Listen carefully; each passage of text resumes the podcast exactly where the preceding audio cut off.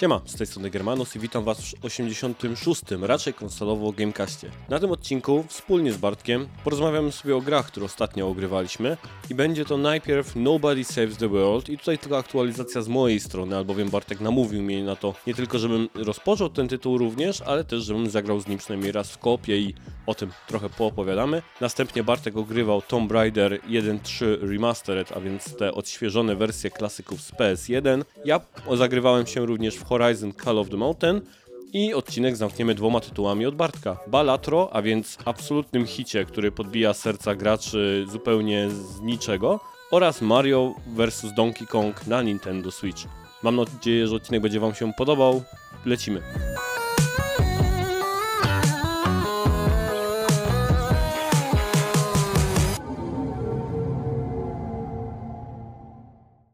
No dobrze, no to jesteśmy. 86 odcinek zgodnie z wprowadzeniem, o którym już w sumie mówiłem, jaki to będzie numerek, więc pozostaje mi nic innego, jak tylko powitać mojego drogiego kompana przy drugim mikrofonie podcastu Bartka. Dzień dobry.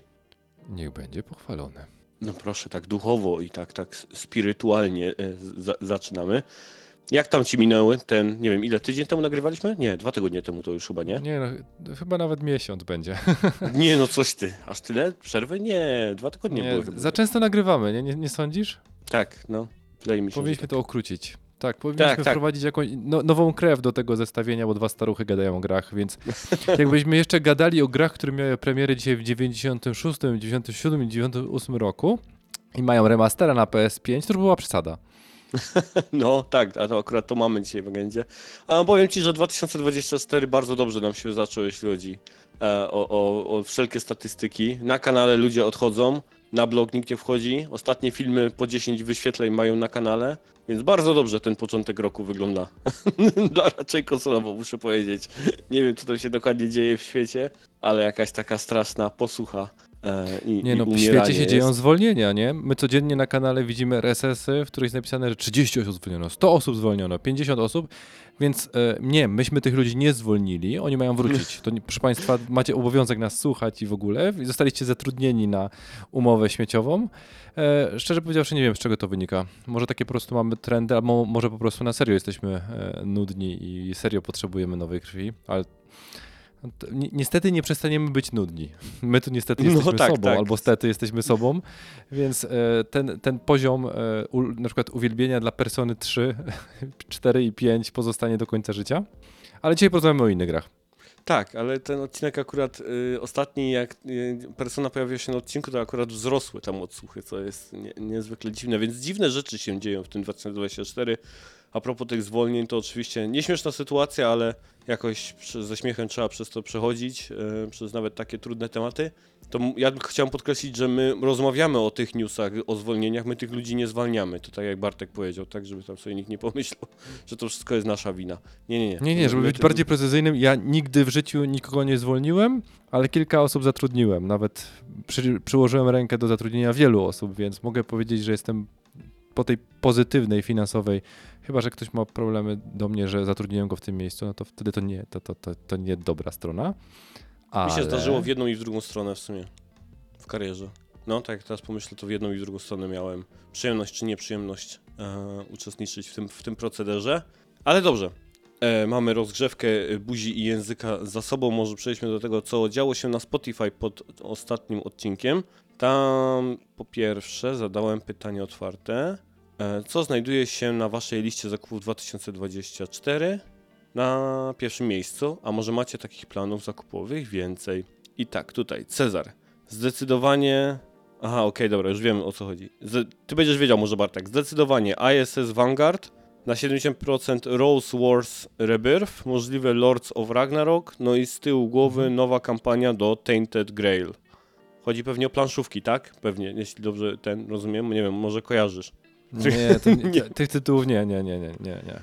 Cezar jest w ogóle strasznie planszówkowy. Jak ja zobaczyłem jego zdjęcia kolekcji planszówek, to łomatko boska. E, bardzo, bardzo, bardzo dużo. E, I on nawet mi pokazał, że zrobił sobie ostatnio tam preorder na jakąś tam planszówkę za czyt kafle czy coś takiego, więc strach, strach się bać. E, ale tak, e, to sądzę, że Cezar to będą pewnie planszówki, to jeszcze nam potwierdzi.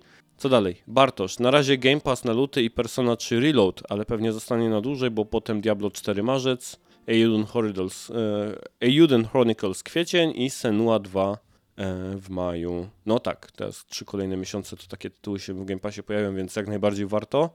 E, Flaku, Final Fantasy VII Rebirth, Rise of the Ronin, Euden Chronicles, tak, tutaj Yoshitaka Muramasa, tak, Rest in Peace.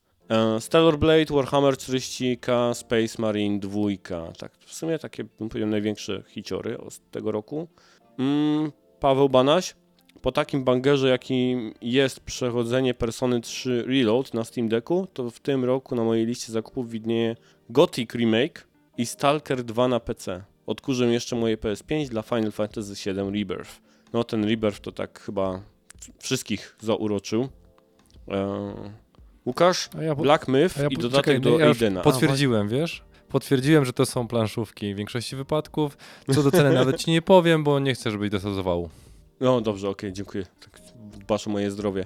E, Black Myth to pewnie chodzi o tego Wukonga. Zapomniałem nawet, że to jest na ten e, rok zapowiedziane. E, mam taki backlog, że nie kupuję gier na premierę. Zazwyczaj czekam na promo i nie czuję się okradany. Przez to, ojej, ojej, złe sony. Aha, że nie czuję się okradany przez złe sony. Ojej, ojej. Pozdro 5 na 5. Dzięki, Łukasz. I grze się klicał Final Fantasy VII Rebirth. Jutro przywiezie kurier, do tego Sea of Stars. materiały budowlane i jak dobrze pójdzie, to pod koniec roku meble. Chciałbym zobaczyć ten tytuł, jak wygląda materiały budowlane i jak dobrze pójdzie, to pod koniec roku meble. To taki długi tytuł to brzmi jak jakiś JRPG pewnie. Ciekawe, No, czy można e, łowić ryby w nim. Jeżeli tam jest łowienie ryb właśnie, to na pewno. No, tak właśnie brzmi, jakby coś z łowieniem ryb. Nie, ale miało powiedzmy sobie szczerze, nie, że trzymamy kciuki, bo ktokolwiek e, zajm- chce zajm- lub musi, bo nie wiadomo jak, jaka jest Mm. forma, ale zajmować się remontami, budowaniem, wykończeniem i to swojego, a nie czyjegoś domu, eh, to dobrze, że kupujesz Sea of Stars, e, bo przynajmniej się rozerwiesz i odporniesz od, od tego, co cię czeka. No, tak, tak, tak. Też mam znajomych, którzy bardzo są ten, e, w niebo wzięci i w dobrych humorach przy na budowie. E, czy produkcja PvE, gdzie gracze nie rywalizują ze sobą, może nosić miano pay to win? To było pytanie, jakie rzuciłem w ankiecie i tutaj głosy podzielone, bo na 12 głosów oddanych mamy dokładnie 50-50, po 6 głosów na tak, 6 głosów na nie i nikt, nikt nie wybrał odpowiedzi może, gdyby było inaczej i tak dalej. Tutaj żadnych głosów. Czyli 50-50, taki nierozstrzygnięty natomiast ten, e, te, ten, ten, ten dylemat. Ale za to na e, YouTubie Jackal, czyli Jarek, e, napisał do nas w komentarzu i w sumie muszę powiedzieć, że okej, dobra, rozumiem to podejście, bo ja akurat skłaniałem się prędzej do tej wersji, że PvE nie może być pay to winem, mm, jeżeli gracze w jakikolwiek sposób nie rywalizują ze sobą. Ale napisał tak, Helldivers 2 to PvE, więc można sobie wyobrazić, że pojawi się jakiś ciężki challenge w przyszłości, jak na przykład raid w WoWie albo jakiś ciężki boss, gdzie ludzie będą się ścigać o tak zwany World's First i wtedy też może być to pay to win, jeśli można na przykład kupować bronię za kasę. Myślę sobie, okej, dobra, to mogę zrozumieć, że to jest jakieś kupowanie za kasę przewagi kontra innych graczy, Natomiast yy, i tak, akceptuję, że taka, że taka ewentualność może być. W Helldiversach po pierwsze wydaje mi się, że nic takiego nie zostanie wprowadzone, bo ta gra bardzo mocno yy, stara się wszystkim z sobą pokazać, że, jest, że to, to jest ta taka społeczna, yy, społeczny element wszystkich graczy i wszyscy walczą dla tego samego i yy, każdy jest tak samo zbędny w tej wojnie, jeśli chodzi o, o umieranie i, i za, za, za cel za misję i za wizję demokracji i wolności, e, więc że tego rodzaju rzeczy raczej nie będą wprowadzać. Cokolwiek, co by mogło dzielić społeczność, raczej będzie chyba omijane przez nich, a przynajmniej ja bym tak robił pod kątem strategii budowania tego tytułu. No i też te bronie, które w tym powiedzmy Season Passie, czy, czy w Battle Passie, które tam mm, się zdobywa, to nie są najlepsze bronie, bo tak jak z Cezarem jak gramy, to zauważyliśmy, że te bronie, które odblokowuje się po prostu standardowo, e, są, są chyba lepsze i przynajmniej nam się z nimi lepiej gra niż, niż tymi z tego Battle Passa, więc tam się bardziej kolorki różnią i, i wizualia. Mm, dobrze, ale bardzo dziękuję za, za odpowiedzi. I przyszedł do nas mail. E, Bartek i teraz tak, e, na początku bym powiedział, że mail zaczął się, rozmowa moja z e, użytkownikiem, który podpisał się jako taktyki, tak, tak w mailu się, się podpisał. I zadał mi pytanie, które brzmiało tak, słucham właśnie waszego podcastu z grami roku 2023, mam takie pytanie do Tomka, ponieważ powiedział, że ograł już wszystkie finale, czy jedenastkę również. I na początku ja zrozumiałem naszego kolegę, że chodziło mu o dziewiątkę. Więc mu odpisałem, że tak, tak, oczywiście, że dziewiątkę też mam za sobą, na PSP ograłem, ale nie, nie, chodziło o jedenastkę. I tak jakoś nie zap- zapomniałem w ogóle, czy ktoś może pytać o przejście jedenastki, przecież to jest MMORPG. Em, I napisałem, że nie, że nie grałem i tak dalej. I tak, po pierwsze, e, taktyki witam wśród nowych słuchaczy. Fajnie, że tam spróbowałeś, bo tam pisał, że szukał czegoś nowego do słuchania i że trafił na nasz podcast i właśnie tę retrospektywę sobie przesłuchał, więc mam nadzieję, że ten odcinek również słuchasz, jak i inne nadrabiasz. I, i witamy wśród gronach nowych słuchaczy. Ale teraz, bo nam się tutaj długa rozmowa z tym, e, z, z taktyki e, wywiązała. I powiedz Bartek, czy coś cię jakby gdzieś tam zaciekawi w odpowiedzi e, na, naszego kolegi. Bo po pierwsze tak, no widzisz, to moim zdaniem duży błąd. Jedenastka to ponownie, moim zdaniem, najlepsza część całej serii. Ma genialną fabułę, a całość została połączona jednym wątkiem przedost- e, w przedostatnim dodatku Rhapsodies of Vanadiel. Mam w tej grze przegrane 70 tysięcy godzin, ale do ogrania głównej fabuły wystarczy pewnie ze 100, 100 do 200. Bartek, zarejestrowałeś? Ile Co? kolega ma rozegranych godzin w Final Fantasy XI? Mm, co 70 ty dys- tysięcy godzin. No tak, w sensie, jeżeli dobrze zrozumiałem, rozumiem, że to podzieliłeś. To znaczy? Na co? No 70 tysięcy godzin, że podzieliłeś. Nie, to jest w jednej grze 70 tysięcy godzin ma rozegrane. Tylko w jedenastce, w tym MMO. 70 tysięcy godzin ma rozegranych w tym MMO. Zadałem pytanie, czy grał w 14. Nie, nie gram w 14, podchodziłem kilka razy, ale szybko się odbijałem. Zamierzam kiedyś wrócić, żeby ograć przynajmniej fabułę. E, mam jeszcze duże braki do nadrobienia w serii e, 6, 8, 9, 12, 13, 15, Powiedz mi, 16. kiedy wyszła, kiedy wyszła jedenastka? E, to były PS2. PS2 i pierwszy Xbox. Nie pamiętam jakie to były. 2005, 4? Mhm. To, to w międzyczasie to jest 2000, przyjmijmy, że to jest 2005, tak? No. E, 2005, czyli minęło 15-19 lat. Tak? Mhm. No to to jest, proszę ciebie, 6939 e, dni. E, przyjmijmy tak, circa about, nie? Mhm. E, nasz słuchacz słuch, e, grał, jeżeli dobrze potrafię liczyć, e, przez około 2917 sz- dni. Czyli 2917 z 6939 to, to jest 40%? Czyli połowę czasu tego, tak? No, po prostu od premiery. Nie, w sensie to nie jest nawet połowa czasu, to jest połowa czasu jego życia, nie? Żeby być Znaczy, no, ten. życia tak, tam... 42, 42% ży- tych 15, tych 19 lat, tak? No, no, no, no, no, no, no. 42% tych 19 lat poświęcił na granie w ten tytuł. Tak. To I nie teraz- jest, że ja nie potrafię w matematykę, to jest po prostu zachwyt, że e, wiesz, odliczając nawet 8 godzin, dobra, 6 godzin na sen, jeżeli byśmy tak do tego, czyli jedną trzecią, no to ja naprawdę jestem bardzo, bym powiedział, e, mój podziw w tym momencie wzrósł do tego stopnia, że zastanawiam, co tu miało miejsce, bo ktoś naprawdę dużo czasu e, oddał temu tytułowi, więc skoro oddał temu tytułowi dużo czasu, to nawet nie dziwię się, że jest tak Uważa go za najlepszą zachwycony. część serii. W sensie nie byłby w tej grze, gdyby nie był nią tak bardzo zachwycony, nie? A jeżeli on mówi, że znajduje jeszcze czas na inne gry, i jeżeli nie To napisze, właśnie- że nie no, właśnie jeszcze nie. grałem w Destiny 2 i mam wbite 40 tysięcy, to ja w, w, wymiękam już kompletnie. Właśnie nie. Mój drugi syn ma lekko ponad rok, więc nadal mam mocno ograniczony czas na granie, a sporą część z niego i tak zjada nadal jedenastka, szczególnie, że gram naraz na sześciu kontach. Generalnie nie, słuchaj, ukrywam, że... Napisz do niego maila. Niech przestanie brać to, co bierze, bo to są ciężkie dragi, bo nie da się tyle, mając jeszcze roczne dziecko, e, pracę. Drugie. E, Generalnie nie Twoje dzieci. ukrywam. No.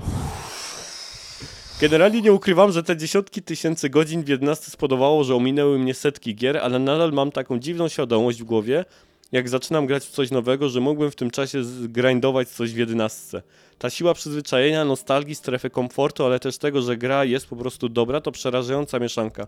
Dlatego też słucham podcastów takich jak wasze, żeby jednak powoli przeznaczać więcej czasu na inne gry. Najwięcej oczywiście grałem w jednostkę na studiach, pewnie po 12-14 godzin dziennie. Teraz z pracą i rodziną to już głównie w godzinach nocnych, aż usnę na klawiaturze. Myślę, że kilka tysięcy godzin spędziłem też na forum Final Fantasy XI AH i tworząc i rozwijając Excel liczące DPS. Powiem, powiem tak, taktyki. E, w Teleekspresie, który teraz wrócił na normalne tory, więc możemy o nim mówić po prostu. Jest taka rubryka na końcu, którą się mówi, nie wiem czy ty Bartek kojarzysz, e, że zaliczamy pana do e, klubowiczów pozytywnie zakręconych. Nie wiem, pamię pamiętasz? Teleekspresy się przeważnie czymś takim kończyły, tak, tak, ta, ta, ta, tak, takim żarcikiem. Więc ja tutaj muszę powiedzieć, że zaliczamy zdecydowanie taktyki do klubu ludzi pozytywnie zakręconych raczej konsolowo, e, honorowego grona i Hall of Fame, e, poświęcić tyle godzin na grę, którą się kocha e, i widać nie zawalając sobie po prostu życia, to jest najważniejsze w, e, w procesie tego wszystkiego. To no, jest, Nie wiem. czy, chwalebne bym powiedział, tak z mojej perspektywy. Tomek, zadaj pytanie, która to jest żona. No dobra, okej.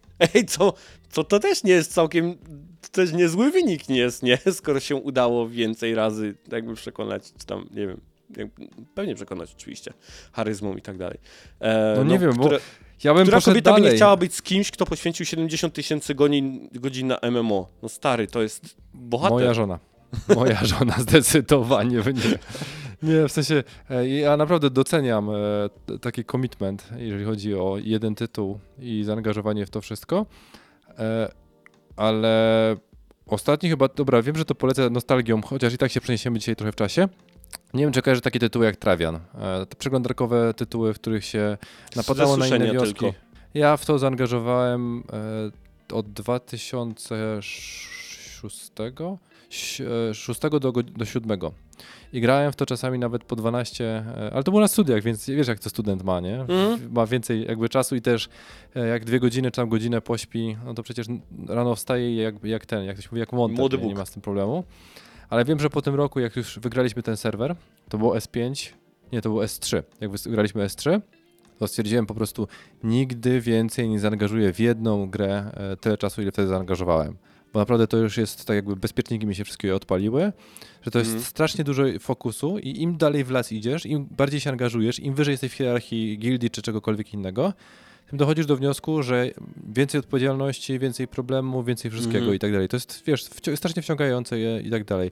Pomimo, że tam nie było jakiejś, dobra, nie było w ogóle fabuły wtedy, bo jaka fabuła w grze przeglądarkowej wtedy, no nie powiem, że, no wiesz, no, no Sami nie było. po prostu, bo- nie? Jako społeczność i gracze, nie? tak, tak, ale wiesz, dalej chodzi o zaangażowanie, że z jednej strony jestem pełen podziwiu, ale druga część mojego mózgu, e, pewnie mam ich więcej, ale druga, nie połowa, tylko część, krzyczy, czy tutaj coś się nie zadziało, nie?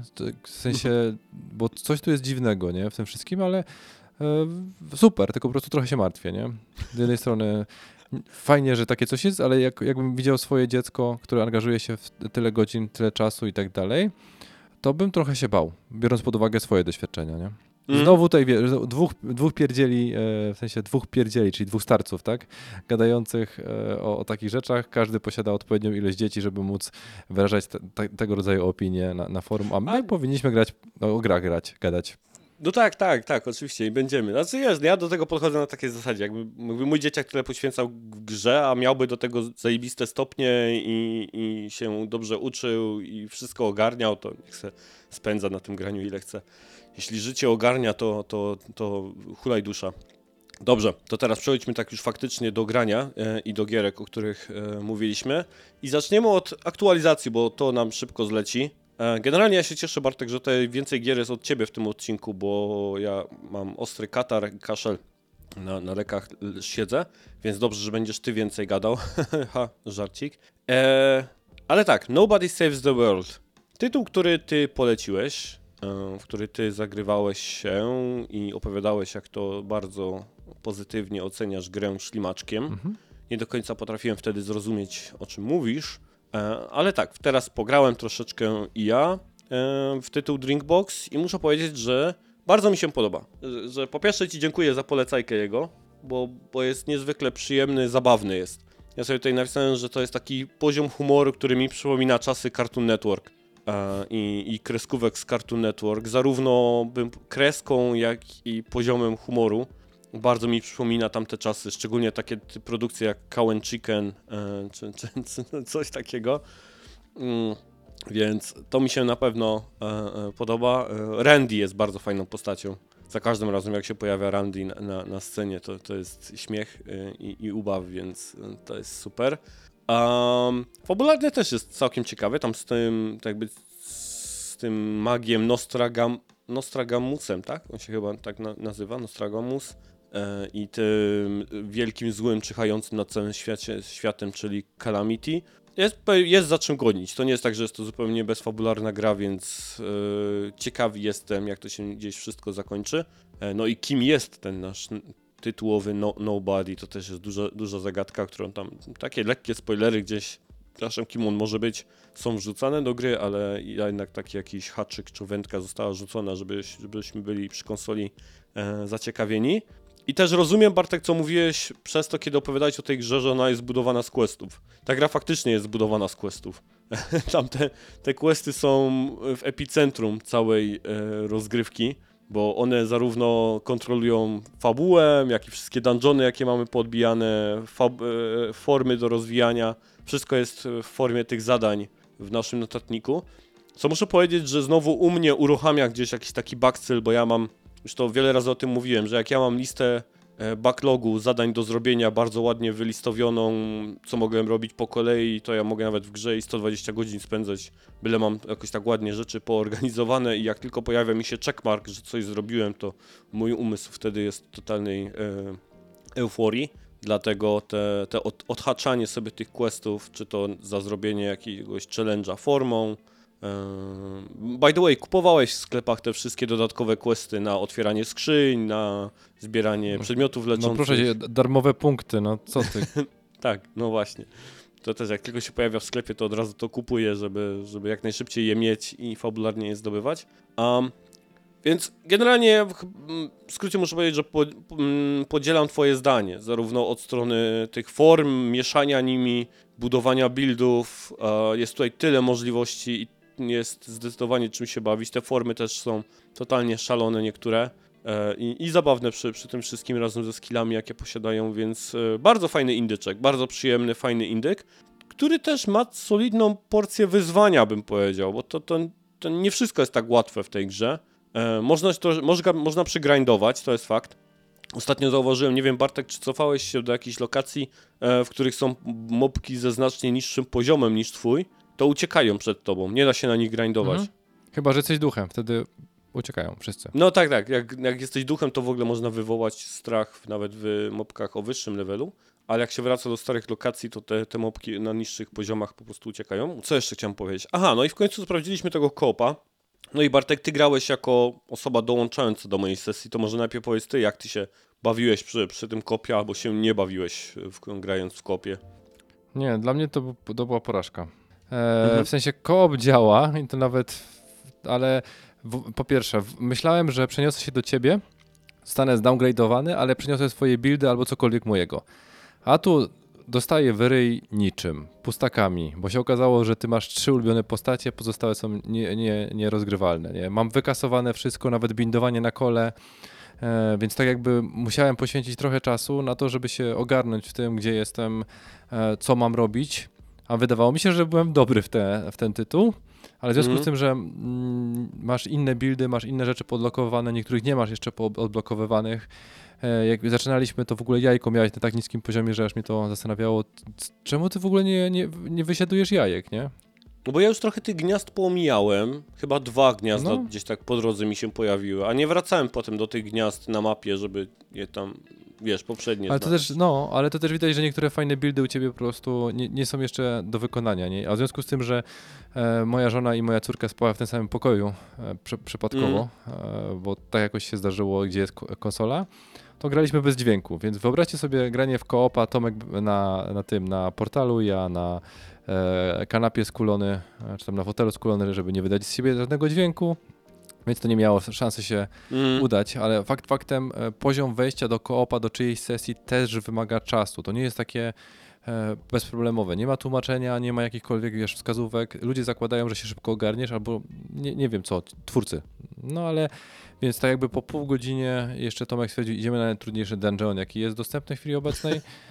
No to Wydawało mi się to dobrym pomysłem. No, było kretyńskim, e, więc nie udało nam się tego zrobić. Więc będziemy robić pewnie drugie podejście do, Tak. do tego tytułu już e, z innymi rzeczami, bo nadal tam jest dużo, dużo możliwości, tylko po prostu Tomek pójdzie zrobić siusiu czy gdzieś tam indziej, a ja w tym momencie sobie skonfiguruję u niego e, moje buildy i moje postacie, tak żeby mi się dobrze i przyjemnie grało. Co zauważyłem? Mm, skalowanie. Automatycznie zauważyłem, że jak weszliśmy do tego dungeonu, po pierwsze zmienia się opis tego dungeonu, bo z tego co kojarzę, on miał tylko dwie te takie e, bumpy, czyli dwa Mhm. znaczki, co trzeba, a w przypadku dwóch graczy już skoczyły nam trzy. W innym, jak widziałem, lochu były nawet cztery, czyli to oznacza po prostu, że po pierwsze skaluje się poziom, to już A. zauważyłem, skalują się Mhm. wymagania wobec tego lochu i, e, i skalują się inne rzeczy, czyli możliwe też, że po prostu twórcy wpadli na pomysł na to, że single playu inaczej jest generowane rozłożenie w środku wszystkiego oraz mobków, po to, żeby było i- inne, po prostu inna przyjemność i też większe wyzwanie, nie? To też Mhm. było odczuwalne, że, e, że to wszystko inaczej funkcjonuje, więc do, już po tym zgraniu, jeżeli byśmy najprawdopodobniej zaczęli grę od po samego początku, na przykład u Ciebie, to w tym momencie gra wyglądałaby zupełnie inaczej. Mhm.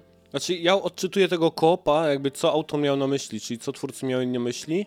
To jest po prostu lokalny koop kanapowy. E, tak jakby przeniesiony w, formę, o, w formie online, bo on, ta gra nawet czas, bardzo często proponuje, jak ja gram sam, to tam się co chwilę pojawia monit tam e, player 2 per start, nie? Tak jakby, że gra wie, że, że, żeby w każdej chwili może ktoś po prostu, kto na kanapie siedzi obok siebie, dołączyć do rozgrywki. I to mniej więcej wygląda w ten sposób, że e, player 2 zawsze ma puste te wszystkie buildy, I po, musi sobie je poukładać e, z, odblokowań, które ja zrobiłem jako odblo odblokowania. Tak jakby to nie są skopiowane wszystkie buildy moje, tylko one są puste. Bo tak sobie tam odpaliłem drugiego, dru- drugiego pada i to mniej więcej tak wygląda. Czyli drugi gracz zawsze dołącza jako taki pustak, który potem musi sobie wszystko poukładać według tego, co ja mam odblokowane.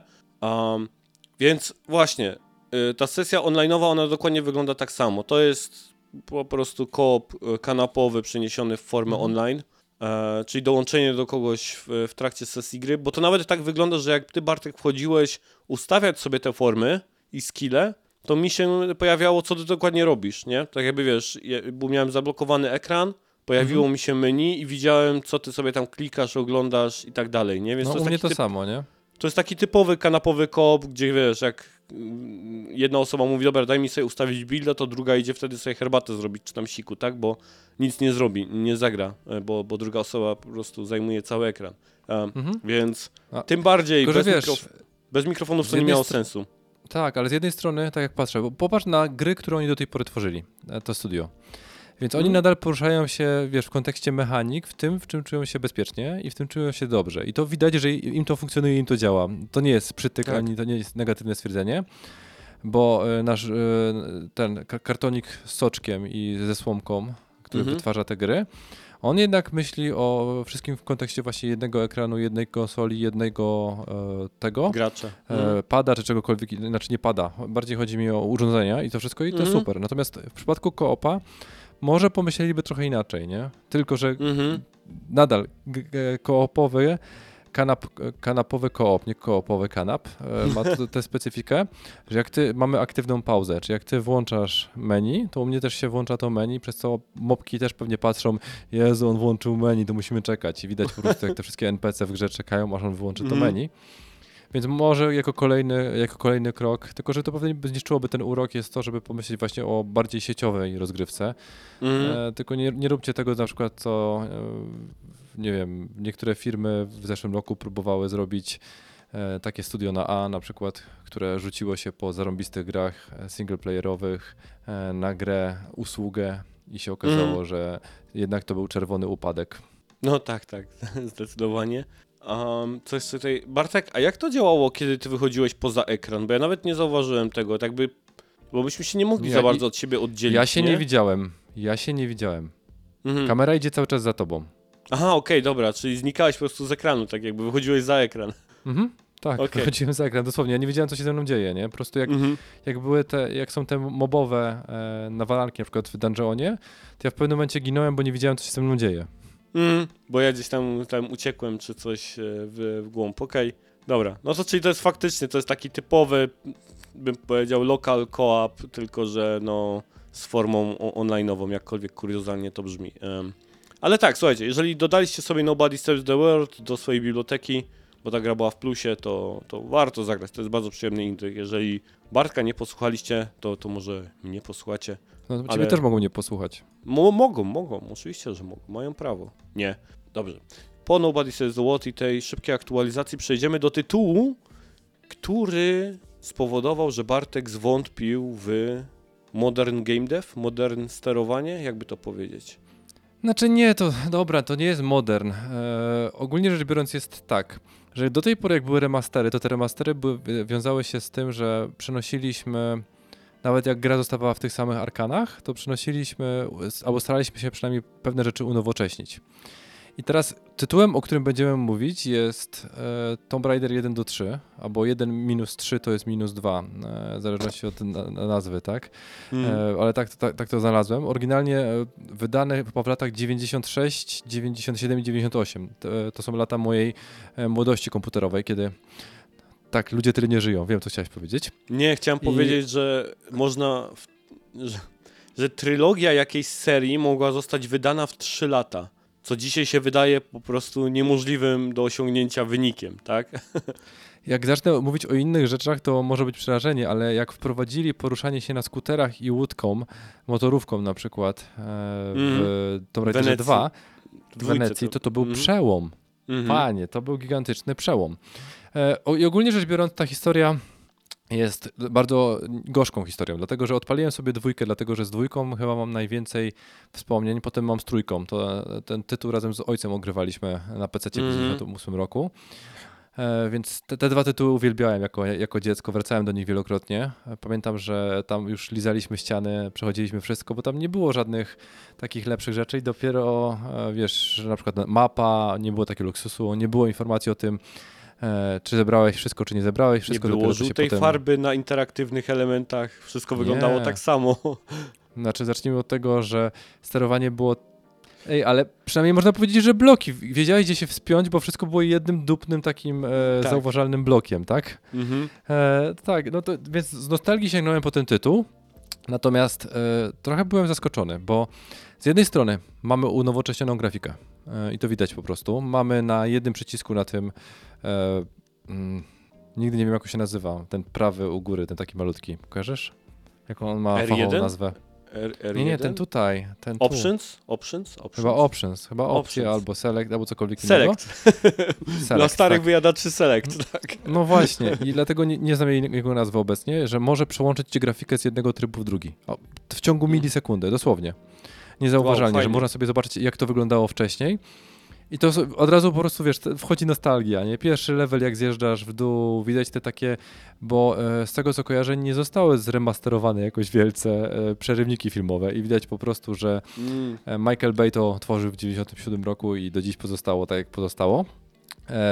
Historia jest ta sama, więc jakby, e, znaczy pomijając fakt, że niektóre osoby pewnie w 97 roku kupowały gry, które, e, żeby zmieścić się na jednej płycie w 40 tytułów, nie miały w ogóle przerywników, były one wykasowane i tylko Mhm. przechodziło do kolejnego levelu, ale to już, to już tak trochę pominę, bo to były czasy, kiedy na półkach nie było dużej ilości oryginalnych gier, gier. Mhm. One były trudne do zdobycia, jeżeli chodzi o PC tym bardziej. Albo ceny były tak horrendalnie porąbane na tamte czasy, że większość ludzi po prostu. Ja pamiętam, że ja e, chyba kupiłem za 120 zł FIFA World Cup 9.8. I to był Mhm. wydatek taki, że ja na to zbierałem latami, nie? I jak kupiłem tę grę i okazało się, że ona jest krótsza niż FIFA 9.8, którą miał piracką e, sąsiad, to doszedłem do wniosku, że to była najbardziej zmarnowana kasa wtedy. I to było straszne, straszne, straszne przeżycie.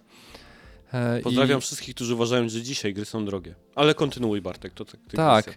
I ogólnie rzecz biorąc, gra jest zamrożona w czasie, dlatego że pomimo, że mamy dostępne e, tradycyjne, e, tak to się ładnie nazywa, i modern e, poruszanie się, Mhm. tradycyjne to jest po prostu to samo, co było wtedy, czyli lecimy na krzyżaku góra-dół i ona się porusza, obraca się w taki sposób, wiesz, nie? No na czołgiem, no E, to są tank controlsy pełną gębą. Tak, tak, dokładnie to samo.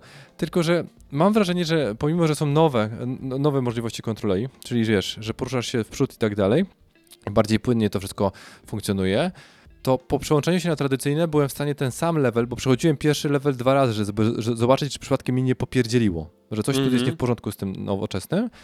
byłem w stanie go przejść szybciej, nie musząc się adaptować po 25 latach od grania w ten tytuł.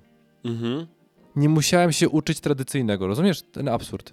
Że wiesz, tak, bo tak. skoki, które muszą być wymierzone na milimetry Tak. czasami nawet, nie? Żeby e, ten, dwa, e, tak zwany bump do tyłu. Nie, umie, nie umiem do dzisiaj go powtórzyć w tradycyjnym, po prostu w, w nowoczesnym. W nowoczesnym nie ma tego takiego odskoku do tyłu, przez co czasami te szybkie, e, wiesz, odskoki, czy cokolwiek, czy strzelanie, bo strzelanie dalej nie masz celowania, tylko po prostu on, e, ona, jak naciśniesz sobie Auto-aim jest, nie?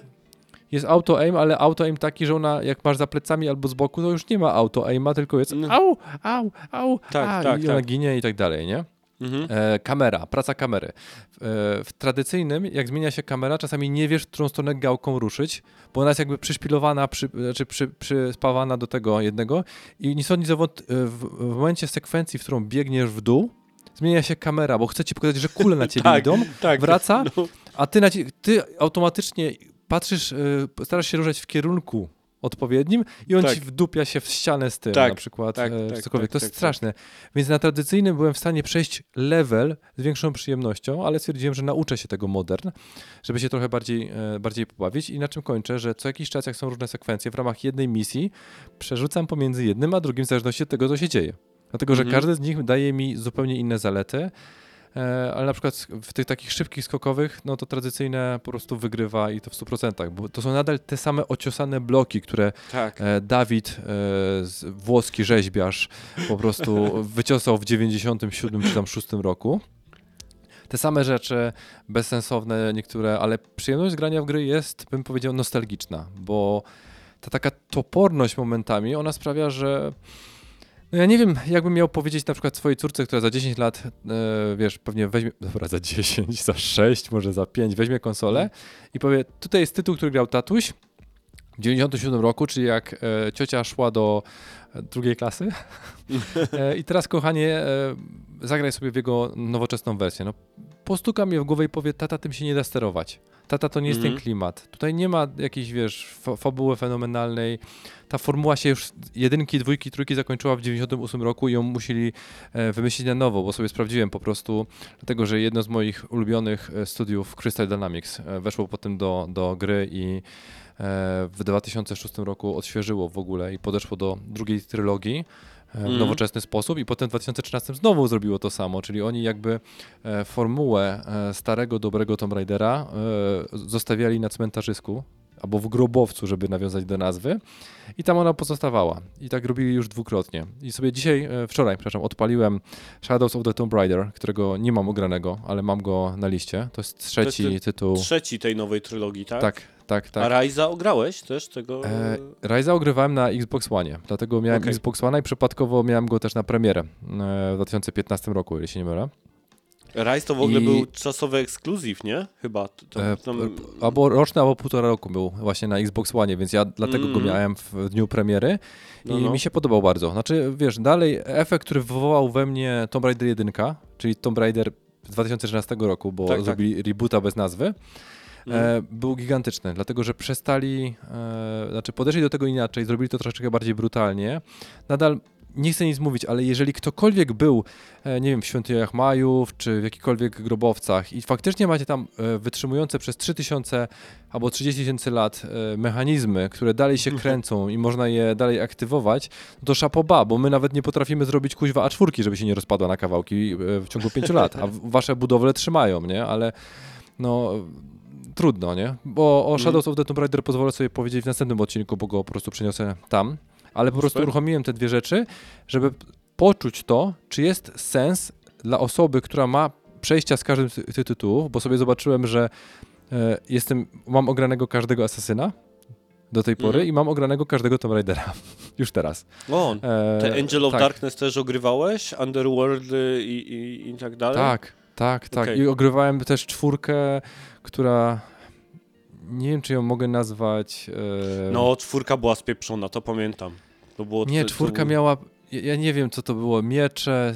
Pamiętam, że to był Holender. Angel jasne, of tak. Darkness też był tak dziwnym Tomb Raiderem. Ja pamiętam, Angel of to Darkness był jakiś, jakby jakiś koleś na dragach e, czy na kwasie emo No. stwierdził, wiecie co, ja se e, ten, ogarnę ten, takie coś i ja, ja nie do końca tego tytułu rozumiem, Ale Mm. ogrywałem, bo wiesz, no mówię, sentyment. Jed, to jest jeden z pierwszych tytułów, to był Tomb Raider, który miałem e, wgrany, dosłownie, ja nie miałem płyty, ja go miałem wgrany na dysku twardym e, komputera, który kupiłem. Wyobraźcie sobie taką sytuację, że kupujecie goły system, e, to był jeszcze Cyrix, e, 98 rok i tam były gry dostępne na dysku twardym, które można e, faktycznie było e, ogrywać. To jak Astrobot na Play 5. No tylko, że Astrobot był legalny. E, tamten tytuł e, jakoś nie chce mi się e, wierzyć, że ten, że mógł być, mógł być ten Pan miał legalny, licencję do sprzedawania ze sprzętem. Mm, Nie, nie sądzę, bardzo nie sądzę, ale no inne, inne czasy, nie? Ja też mając, mając ile miałem, 12 lat? To nie do końca miałem w głowie, czy coś jest legalne, czy nie. Po prostu miałem taki tytuł i e, ogrywałem go, nie? Tym No, ale bardziej, wie- że prawa autorskie w Polsce to w ogóle kulało, więc nawet nikt nie wiedział, czy, co to znaczy być legalnym albo nielegalnym w pewnym No, momencie. t- e, powiem ci dowcip, który do dziś mnie śmieszy. W 95 roku poszedłem kupować kasetę. Bo wtedy były popularne kasety. Mhm. I bardzo chciałem kasetę, chyba to był Fan Factory. Mo- e, nie wiem, może takie coś kojarzysz. Trzeba No, no, no, to no. był 94 rok. I pani mi dała do wyboru e, z, z, Z hologramem? z, z hologramem lub bez. Tak. To się no. pytam, a czym jest różnica? No różnica jest e, 3 złotych. Wtedy już sobie tak przeliczyłem to w głowie, nie? Że, Mhm. e, że to było jakieś tam, wiesz, śmieszna. ś- Te, dziecko nie rozumiało, dostało po prostu pieniążki, które mamusia mu e, dała, na, na, żeby sobie kupił kasetę. E, I co, co go obchodzi legalność czy nielegalność? Jeżeli dadzą mu wybór, żeby było taniej, to kupi tańsze, nie? I wróci No do domu, odda tak. pieniądze mamie. Przecież nikt tych pieniędzy nie przewali na cukierki, nie? Czy jakieś inne Też gumy wszystkie kasety Backstreet Boys miałem bez hologramów, więc... No, więc wracając do tego Tomb Raidera, e, ogrywam dwójkę. E, trochę się męczę, dlatego że e, w, no, w sumie pierwszy level to przechodziłem dwa razy na tym w ogóle, żeby zacząć od zera, bo sobie tak spieprzyłem sytuację, że musiałem po prostu wrócić. Musiałem sobie pewne rzeczy poprzypominać. Jest on, to jest tytuł, powiem, to jest wycieczka nostalgiczna, bo ja nie znajduję innego na chwilę obecną dla siebie uzasadnienia, Mm. żeby po ten tytuł sięgnąć, bo co innego ma mi dostarczyć. Jak przynajmniej za chwilę będziemy mówić o innych re, e, remasterach, no to te remastery przeniosły coś, co było z poprzednich konsoli e, na obecną, adaptując się do nowoczesnego wyglądu, adaptując się do innego rodzaju sterowania Mhm. i, do, i też wprowadzając pewne zmiany. Tutaj zmian nie ma dużo, po prostu jeszcze nawet dorzucili te e, DLC-ki, tak? To się wtedy się nie nazywało DLC-ki, prawdopodobnie, bo ten tytuł został wprowadzony przez nie? EA. Tak. Tak, jak- czy tam jakiś expansion pack to się ładnie nazywało Mhm. e, i były w zupełnie inny sposób dystrybuowane.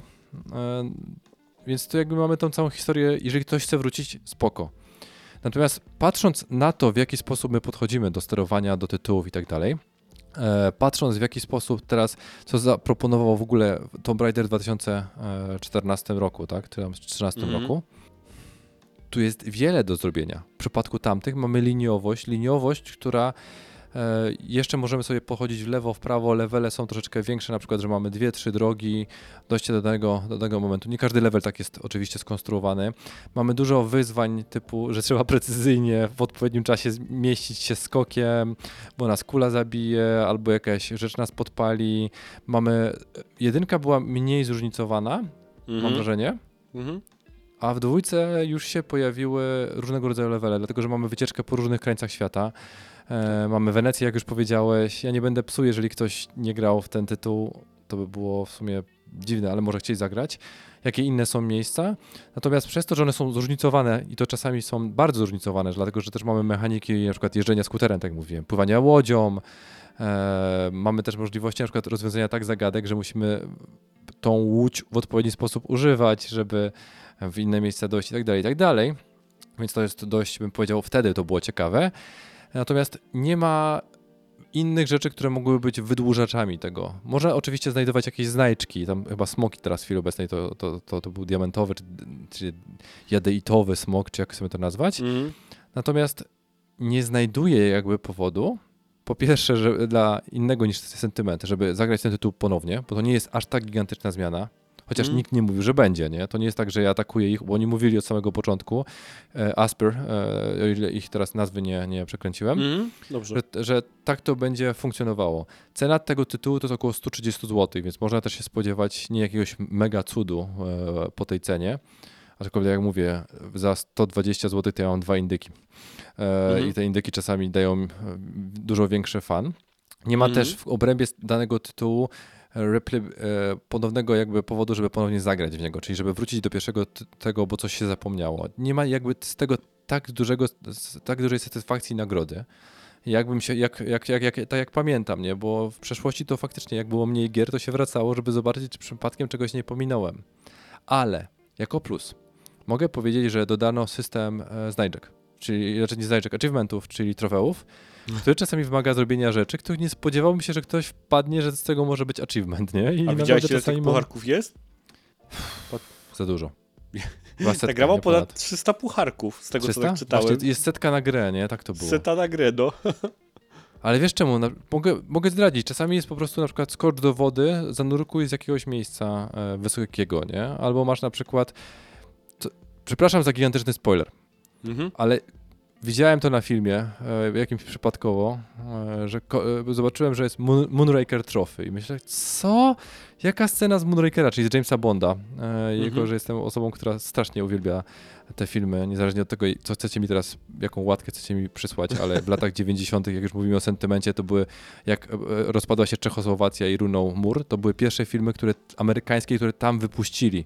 Na TVP nie Mhm. leciało nic, na Czetenowa leciały, kurde, tydzień po tygodniu Bondy. Czy tam co Mhm. dwa tygodnie były te Bondy. I się siadało z rodzicami i się oglądało i się łykało to, nie wiedziało się o żadnych szowinizmach, o złym traktowaniu kobiet. Jak się teraz ogląda ponownie, to widać po prostu, że ten koleś... Ale to jest taki znak czasów, Eee. dlatego nie mam zamiaru No. za bardzo tego wszystkiego e, krytykować. Ale było właśnie ta nagroda Moonrakera, że jak jedziesz z jednej łodzi, wyskoczysz do drugiej łodzi i w nią wjedziesz w miny, to dostajesz trofeum. Więc A, okej. Ktoś tutaj miał zabawę. Dosłownie. To jest ten taki element fanu, że jest smaczków dla, e, sporo dla ludzi, którzy znają Tomb Raidera. E, Jest sporo smaczków dla ludzi, którzy e, mają, znają pewne kulturowe nawiązania, które występują w różnych, w różnych miejscach, więc tutaj się można pobawić. Natomiast, tak jak mówię, odpaliłem tego nowego Tomb Raidera i po 10 godzinach, bo stwierdziłem, odpalę na chwilę, zostałem na dłużej. E, Mhm. Mówią, że to najgorszy z tej trylogii tytuł. Ja się świetnie Mm. bawię. To jest najgorsze w tym wszystkim, że ja się naprawdę e, świetnie bawię. E, I mam wrażenie, że pomimo, że ma najgorszą, mam wrażenie, z tej całej trójki, z tej całej try trylogii historię, taką trochę bardziej ej, Nathan Drake takie coś zrobił, więc my też powinniśmy. I to widać Mhm. po prostu, że jak, na, jak Lara wprowadziła Czekan, to nic owąd u niego też się pojawił Czekan, więc te dwie, dwa uniwersa, dwa światy, one się przenikają i inspirują nawzajem. Nie powiem, że okradają, bo kradzież to jest złe słowo w tym, bo nie byłoby e, Nathana Drake'a bez Tomb Raidera i nie byłoby nowego Nat, e, Tomb Raidera bez Nathana Drake'a. Więc tak jakby w dwie strony to działa, nie? że jest Tomb Raidera wyszedł Nathan Drake i tak dalej, i tak dalej. Nie? Czyli Lara Croft mogłaby się e, z nim hajtnąć i nikt nie miałby e, nic złego i tak dalej, i tak dalej. Więc dlatego dla, dla mnie te dwa tytuły e, to naprawdę jest fan. Więc reasumując, więcej gadałem pewnie o tym tytule niż w niego gra... Nie żartuję, dużo w niego grałem, bo Mhm. chciałem naprawdę zobaczyć jaki jest feeling. Trójka naprawdę to jest coś cudownego, jak, jaki progres widać po prostu pomiędzy trójką a dwójką i między dwójką a jedynką. Więc oceniając to nadal to jest po prostu zauważalne i rok, tak mówiłeś, w ciągu roku No. zrobili taki progres. To jest zaskakujące, bardzo ciekawe, ale czemu, czemu, czemu, e, czemu nie? Tutaj może od razu się wkręcę i sprzedam, żeby sobie sprawdzić, któreś z poprzednich wygrzebanych z sieci e, był bardzo fajny film dokumentalny na temat e, serii Tomb Raider, powstawania właśnie tych starych odsłon e, i między innymi do różnych kontrowersji, które się działy wtedy w studiu Eidos, które produkowało te gry właśnie. I to oczywiście kontrowersji związanych z Larą, tak? Która stała się po prostu... Eidos był publisherem. E, e, W sensie b- to, był, to, tam, kto tam był ten... to był Core Design wtedy, O, Core Design. pierwsze trzy części. Masz rację. Eee, I kontrowersji Monobolara stała się po prostu seks symbolem, tak? W pewnym momencie. Znaczy od I samego stała- początku była seks symbolem i to, to w taki sposób. Czekaj, to zacznijmy od tego. Jeżeli ktoś ma krótkie gadki i trójkątne u góry, e, no to w pewnym momencie gra, gracze i tak do tego przepiszą. Natomiast to, co oni zrobili jako publisher, bo to mówisz Mhm, o tak, tym, co robił wydawca, Eidos, no. nie zrobił Core, tak. To oni e, dopisali do tego wszystkiego, e, zatrudniając aktorki o dość ponętnych kształtach i w które faktycznie, że ludzie bardziej zaczęli kojarzyć e, to, co widzą spoza gry, niż to, co się dzieje w świecie gry, nie? Bo w świecie gry nie było aż takie wulgarne, e, znaczy wulgarne. Nawet w Dla- głowach dla- deweloperów nie było wulgarne i na przykład między innymi dlaczego e, tam były dosyć duże konflikty pomiędzy osobą, która wymyśliła serię i stworzyła tak jakby postać Lary, a, a wydawcą i chyba trójka, czy przy którejś części oni się pożegnali z sobą tam w jakichś bardzo burzliwych okolicznościach, bo tam studio bardzo mocno i deweloperzy walczyli o to, żeby właśnie z Lary nie robić takiej, bym powiedział, e, lafiryndy, a wydawca cisnął w ten temat i takie pieniądze zbierał na Larze, która pojawiała się chyba tam nawet na okładce CKM-u, czy Maxima, czy którejś takiej gazecie i tak dalej, więc e, fajny dokument generalnie, żeby sobie zobaczyć, więc gdzieś tam w którymś wygrzebanym z sieci można go złapać, ale jeśli podsumowując Bartek do tego, co powiedziałeś, ja tak z twojej wypowiedzi rozumiem, że osoba, która nie ma jakiegokolwiek sentymentu albo elementu nostalgii względem tych starych odsłon, to raczej tutaj nie ma czego za dużo szukać, chyba że naprawdę jest ciekawa jakichś takich, nie wiem, początków i, i wiesz, wykopalisk serii, skąd to się wszystko wzięło, tak? E, Powiem ci tak, jeżeli to miałby być pierwszy tytuł ogrywany serii Tomb Raider, to to byłby mój ostatni tytuł, który ogrywałbym serii Tomb Raider w chwili obecnej. Mm. E, to jest trochę takie zderzenie jak mniej więcej jak ogrywanie, dobra, nie mniej więcej. Jak ogrywałem Asasyna dwójkę i przyszedłem do jedynki, to dla mnie było spoko, fajna historia, wszystko ok i tak dalej, ale już widziałem niedociągnięcia, które oni już naprawili później. Mhm. Więc wiesz, jako że ja wiem, co było później, wiem, jakie są kierunki rozwoju i tak dalej, ja do tego inaczej podchodziłem. Natomiast ja wiedziałem. E, Dla mnie to, mówię, wycieczka była przede wszystkim nostalgiczna i chciałem zobaczyć, jak to faktycznie jest. I uczucia, które ja miałem wtedy, wspomnienia, które miałem wtedy, wracają. Uparłem się i przeszedłem ten pierwszy level, ucząc się skoków, które były dość idiotyczne. W sensie idiotyczne, to nie była skomplikowana rzecz, to były korowe mechaniki, których po prostu trzeba było sobie przypomnieć, więc jak ktoś wraca do tego tytułu, idźcie do, do, do domu Lary i sobie poskarżcie tam. Za- Zaufajcie mi, to jest dobry sposób, żeby e, odświeżyć e, pamię- pamięć mięśniową, czy cokolwiek tam jeszcze funkcjonuje. Natomiast mówię, nowe osoby, ja nie wiem, ja mam wrażenie, że jeżeli ktoś by samotnie to ogrywał, wiesz, bez takiej wycieczki pod tytułem, że przychodzi tatuś i pokaże, ja ci pokażę, jak to zginąłem, albo Mm. pokażę ci, jak wpadłem na e, kolce, czy cokolwiek innego, byłoby ciężko. No, tak sobie myślę, bo nawet to modern sterowanie, e, ty, już o tym opowiadałeś, ale z tego, co sobie na jakichś materiałach oglądałem, to ludzie narzekają na to modern sterowanie, bo one po prostu nie współgra z level designem i game designem, tak, e, który w tej grze występuje. No, a znowu ruszenie tego, żeby to unowocześnić też od strony samych poziomów, no to trzeba by od nowa grę zrobić, tak, no bo ona była skrojona pod ten blokowy format, tak, e, taki bym powiedział 4 na 4 nie? Mhm. Więc No mówię ci, ja, dla mnie wygodniejsze, przepraszam, to jest najdziwniejsze, jest tradycyjne sterowanie. Mhm. Bo ja wiem, popatrz, ja, ja wiem, e, jak się wspinać w tym momencie. Ja Tak. wiem, gdzie są granice. Ja wiem, gdzie, w jaki sposób wykorzystać te bloki, nie? Bo to pamiętam wszystko. To nie jest rzecz, którą zapomniałem. Szczególnie, że to był tytuł, który ogrywało się naprawdę dużo razy, bo był jedynym, który miałem, tam jednym z dwóch, który miałem wtedy na, na komputerze. E, I teraz jak wchodzi do tego na przykład ten klasyczny, w którym ona nawet nie skacze w odpowiednim kierunku, nie masz tej kontroli, że jest Mhm. płynność w chodzeniu, ale nie ma kontroli w skakaniu. A skakanie jest dość istotnym elementem w tym wszystkim. Tak. I szczególnie, że nie ma jednego z podstawowych ruchów, który naprawdę jest wymagany w tej grze, czyli skok w tył. Mhm. I Ja nie ma tego to jeszcze, takiego wiesz- o ścianę. Y, y.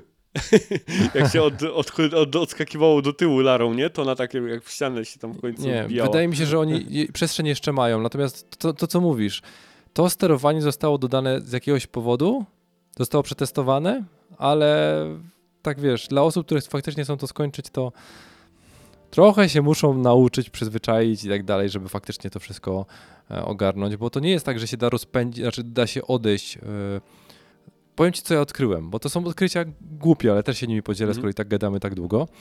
Ja nauczyłem się, e, żeby przechodząc z tradycyjnego na ten, tam miałem wcześniej, że miałem, po prostu dochodziłem do końca e, krawędzi, Mhm. robiłem skok w tył. Miałem gwarancję, że nie spadnę. A Tak. teraz jako, że się nie ma tego w tył, no to co robię? E, wymuszam spadnięcie do tyłu, jednocześnie się łapię, podciągam i wtedy jestem na końcu tej krawędzi. A, Czyli w tym miejscu, które mam do rozpędu.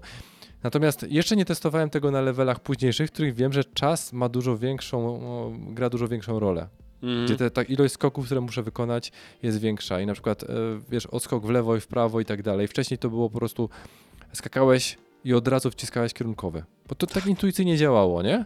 To nie było w tym samym momencie, to trzeba było wymierzyć milisekundę, czy tam ileś, nie mam precyzyjnej wartości, żeby to zadziałało. W nowoczesnym Szczególnie, że tam były, są takie te sekwencje w Larze, pamiętam, że na przykład Lara po jakiejś równi pochyłej się ślizga, w pewnym momencie naciskasz skok przód, ona wpadnia w inną równię pochyłą, ty musisz odczekać jedna sekunda, druga, odskoczyć w następną i tak dalej.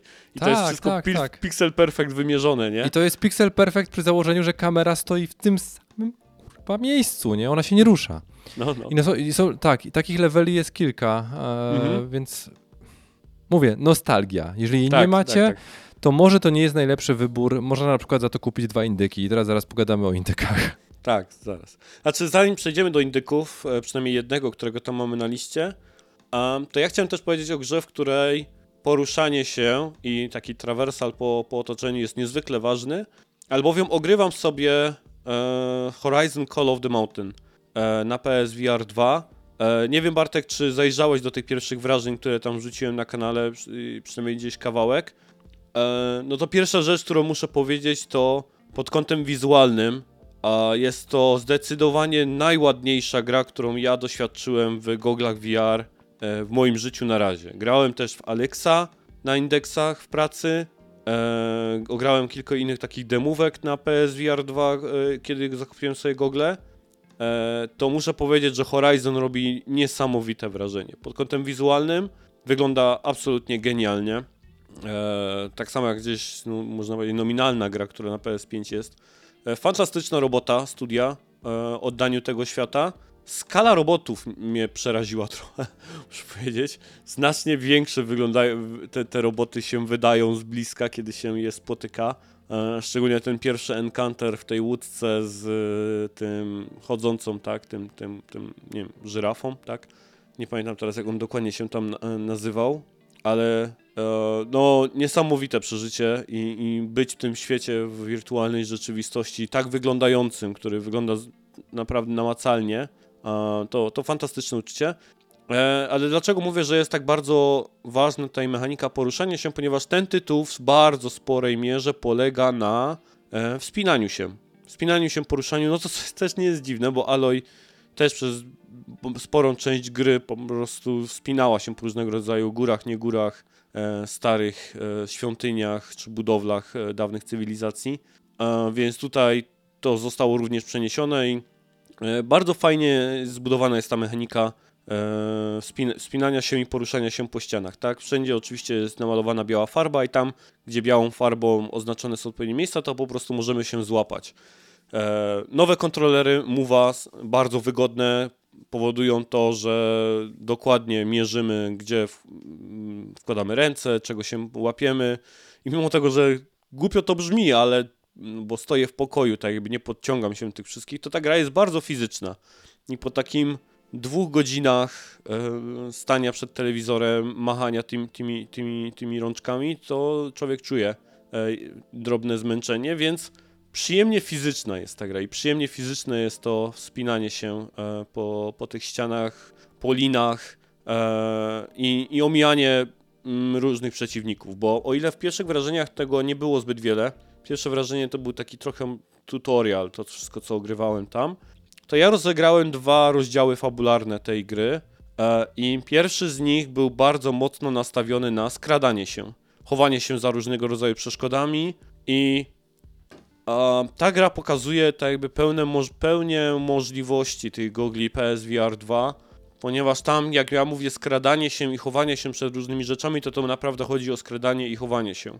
E, bo jeżeli jest jakiś watcher, czy tam po prostu robot, który sobie skanuje otoczenie e, za desek, za jakiegoś płotu drewnianego i my spróbujemy wstawić głowę w, w jakąś dziurę w tym płocie i spojrzeć na niego, to on to zauważy, więc naprawdę przed telewizorem musimy się czasem gdzieś tam lekko pochylić, czy schować, ukryć się za czymś, tak znowu fizycznie oddając nasze, naszą postać w grze, a, żeby nie zostać zauważonym.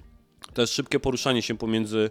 E, gra, ma, gra posiada w ogóle możliwość ustawienia sobie pełnego e, sterowania, e, co też polecam, że jak się grę ustawia, to żeby sobie, znaczy jeżeli gracie w gry VR i nie macie z nimi problemu, to od razu ustawcie sobie tak jakby wszystkie yy, wskaźniki na zaawansowane, czyli pełne płynne sterowanie, prędkość na przykład skoku pomiędzy dwoma przeszkodami, bo w grze występuje też skok, e, gdzie możemy się wybijać w przód naszą postacią i łapać na przykład czegoś po drugiej stronie. E, też e, z defaulta gra nam zwalnia to tam, że w zwolnionym tempie tak jakby dolatujemy do drugiej ściany, ale możemy to wyłączyć, że jest to wszystko płynne. Jeżeli nie macie problemów jakichś rządkowych czy tam z błędnikiem, to polecam wszystkie te zaawansowane opcje sobie o, poodpalać, wtedy gra jest niezwykle przyjemna. No więc jest du dużo skradania, chowania się i wykorzystywania pełnych możliwości tych, e, te, tego headsetu już od wibracji, bo nawet jak ta w tych pierwszych wrażeniach, kiedy ta stopa czy, czy, czy, czy noga tego kroczącego robota nad nami przelatywała, to headset tak bardzo przyjemnie cały e, wibrował e, na, całej powierzchni głowy. To było bardzo fajnie, tak imersyjnym uczuciem. No i też te e, w pełni dające możliwość chwytania różnych elementów e, i reagujące na nasze palce, to jest bardzo ważne. E, kontrolery, bo ja tam się bawiłem i mogłem sobie tam pokazywać różne gesty palcami, tam dwójkę, trójkę e, i wszystko to było widoczne w grze. E, dzięki temu też bardzo e, intuicyjnie się chwyta różnych elementów e, otoczenia, czy jakichś e, instrumentów muzycznych, bo twórcy też zadbali o to, żebyśmy od czasu do czasu coś znaleźli takiego, co można się pobawić, jakieś, jakieś bębenki, jakieś grzechotki. Zawsze to w grach VR robi wrażenie, tak? Tego rodzaju rzeczy. Ludzie lubią tego rodzaju rzeczy znajdywać i wchodzić z nimi w interakcję w VR, więc twórcy doskonale o tym wiedzą i takie porozsiewali różnego rodzaju elementy. Na przykład w pierwszych wrażeniach to malowanie po ścianie mnie rozwaliło, e, że można było sobie farbą tam pędzel zamoczyć w farbie i malować sobie po, po ścianie w grze. To, to bardzo fajny taki, bardzo fajna interakcja. E, no i oczywiście strzelanie z łuku. Mm, ja VR strzelałem z łuku w Wizardsach na pierwszym VR. E, I wydaje mi się, że Carbon całkiem fajnie zrobił to strzelanie z tego lodowego łuku tam. No natomiast tutaj jest to zdecydowanie dopieszczone i gra pierwsze skrzypce, jeśli chodzi o kombat. A łuk bardzo intuicyjnie reaguje na to, jak, w jaki sposób go trzymamy, jak bardzo naciągniemy strzałę. E, Od, od, od naciągu zależy moc i, i tego, jaką odległość pokona strzała, więc jest to niezwykle ważne. Na początku myślałem, że jest w ogóle auto-aim w tej grze. E, Natomiast y, potem doczytałem i, za, i, i dotarło do mnie, że gra oczywiście obsługuje pełny eye tracking. Bo raz, że możemy opcje dialogowe czy opcje menu wybierać po prostu patrząc e, na nie no, gałkami ocznymi, sterując, tak, nie musimy nic na padzie e, robić, to tak samo, jeżeli mamy elementy, w które chcemy strzelić, jakieś cele, czy tam znajdźki e, chociażby, to strzała tak jakby będzie za nimi podążała nie dlatego, że ma auto aima, tylko musimy na nie patrzeć, tak? Czy po prostu jeżeli gdzieś tam patrzymy w jakąś stronę, to ta strzała gdzieś może sobie e, odlecieć e, nie do końca tam, gdzie byśmy chcieli, E, więc jest tutaj zaimplementowany pełny eye tracking w tej grze. Więc tak jak mówię, no twórcy zadbali o to, żeby wszystko, wszystko co te gogle mają do zaoferowania bajerami było w jakiś sposób zaimplementowane w grze. I to czuć. I to jest naprawdę taka produkcja, bym powiedział, premium, którą nie dziwię się, że była dodawana do headsetu. No i jeżeli ktoś ma tylko PSVR, to staje się momentalnie e, o, o, obowiązkowa. Tak, tak, tak z, z, moje, z mojego punktu, z punktu widzenia. No ale to Horizon to jest akurat taki tytuł, że ch- chętnie bym po prostu cię zaprosił, żebyś sobie go sprawdził, bo zabawa w nim jest tak przednia, jest on tak dobrze zrobiony, e, tak na takim wysokim poziomie premium, że zdecydowanie warto w, e, w, nie, w niego zagrać. Ale tak, właśnie, tutaj sobie zapisałem, o- chciałem szczególnie powiedzieć, e, że miałem, miałem moment w tej grze, w którym byłem, nie wiem czy jest polski odpowiednik tego słowa. E, W, anglo, e, w języku angielskim mówi się na to starstruck. Nie wiem, czy jest jakiś polski odpowiednik tego, tego słówka. Zauroczenie? Zafascynowanie. Okej, no, to może coś takiego. Generalnie chodzi o sytuację, kiedy poznajecie kogoś, nie wiem, celebrytę, nie wiem, Roberta Lewandowskiego w sklepie widzieliście, albo tam o kogoś ważniejszego, na przykład, nie wiem, Sławka Peszkę, e, czy coś takiego, to wtedy... to, to, to, to, jest tego, tego, rodzaju, tego rodzaju uczucie. E, ale muszę powiedzieć, że kiedy w grze nagle pojawiła się Eloy, e, i gdzieś tam stanęła obok i zaczęliśmy sobie rozmawiać, to znaczy zaczęliśmy. Moja postać z nią weszła w dialog, to miałem taki moment po prostu takiego, o kurczę, pa, to, to ona sobie tam stoi i sobie o gada Jezu, ze mną. ma I tam, wąsik i ma na ten, na brodzie ma włosy. no widziałem nawet te wszystkie wąsy na, tam na, na, na, na jej brodzie i tak dalej. Więc tak dokładnie była oddana. E, ze wzrostem niska jest dosyć, tak, tak. Albo może ta postać, którą ja gram jest akurat taka wysoka, ale e, no był taki moment, kiedy muszę powiedzieć, tak mi się trochę zaświeciły oczka i sobie pomyślałem, okej, dobra, to ta, ta ważna pani, e, która w takich dwóch wielkich grach dla mnie grała, e, to sobie tutaj jest i ze mną rozmawia. A, fabularnie jest, jest ok. nie powiedziałbym, żeby jest to jakaś fabuła, która niezwykle nie mogę się doczekać, co będzie dalej, jak chociażby The Last of Us. Ale trzyma się to wszystko kupy, jesteśmy ciekawi tego, co będzie za chwilkę, więc na pewno jest motywacja do tego, żebyśmy e, drążyli dalej. No i kombat. Ja po m, walce z pierwszych wrażeń, e, kiedy walczyliśmy z jednym z robotem, to przypuszczałem, że wszystkie walki w grze będą wyglądać w ten sposób, że mamy starcia jeden na jeden e, z robotami, bo tak, tak trochę sterowanie mniej więcej mi wyglądało na samym początku, ale e, już właśnie się okazało przy trzecim rozdziale, jak kończyłem, że było starcie z trzema przeciwnikami naraz, którzy nas atakowali losowo, różnymi atakami. Do, do poruszania się w które walce doszły uniki, ale nie takie uniki, które widzieliście na tych pierwszych wrażeniach, takie odskoki, tylko w momencie, kiedy na przykład strzela do nas takim laserem poziomym, to musimy dosłownie przykucnąć przed telewizorem i przechylić głowę w lewo lub w prawo, żeby, żeby go uniknąć, więc jeszcze dodatkowo dochodzi trochę fizyczności do tego wszystkiego. E, No i te starcia z wieloma przeciwnikami naprawdę e, już e, sprawdzają nasze, czy ktoś chodził na WF, czy nie. O, może tak to powiem. I już pojawiło się możliwość tworzenia nie tylko zwykłych strzał, ale także takich na przykład, które mają określony element, jak tam elektryczność, czy, czy ogniste strzały. Można sobie wymieniać, jaki arsenałem akurat się posługujemy. A, i co jeszcze, co, co, co mnie rozwaliło i absolutnie muszę tutaj deweloperów za to pochwalić, tworzenie przedmiotów. Mieliśmy w pewnym momencie do stworzenia, e, dobrze roz, Bartek mówię, czekany to są te takie, takie kosy, które się służą do e, poruszania się tam po ścianach, tak, po klifach i tak dalej, Jezu, tak? Kosy, misie, kosa to ma taki zakrzywiony. Czekan to jest po prostu no, na, najbliżej mu do młotka, jeżeli potrzebujesz e, tego. Do tej czytelniczności młotka, która jest taka zakrzywiona, tak? To bardziej tak. No bo te czekany akurat w tej grze to one są takie trochę by powiedział takie w stałcie takiego księżyca, tak? Są Znaczy zaokrąglone. nie, no, cze- czekan to jest to, czekan to jest urządzenie do wspinania się, ogólnie całościowo. Tak. Ono ma dwie części. Ma tą część, e, no, którą dobrze, używasz okej. do wbijania, Tak. tą część młotka. Ja nie wiem, jak nasi słuchacze, jak to słyszeli twoją definicję, to krowa to jest takie zwierzę. No nie, no Tylko jest to mam- przecież, to nie jest młotek, który jest taki jak litera T, tylko on jest taki zaokrąglony, ten czekan przecież, tak? Więc już tam nie czepiamy się. Dobra, nieważne. Natomiast tworzyło się te czekany ze, e, tak jakby ręcznie z części, które leżały na stole i to wyglądało tak, że faktycznie musieliśmy je przykładać do siebie, a fizyka w tej grze jest i interakcja z przedmiotami fizycznymi jest tak fajnie oddana, że dosłownie mieliśmy szpulę tak jakby z nicią i gra nam pokazywała, gdzie akurat powinna być pętla zrobiona i tą nicią musieliśmy faktycznie owijać te elementy w grze i ta nić bardzo naturalnie się zachowywała. My ten przedmiot musieliśmy obracać w odpowiedni sposób. I ja muszę powiedzieć, że to jest też coś, co widziałem pierwszy raz w VR tak oddane.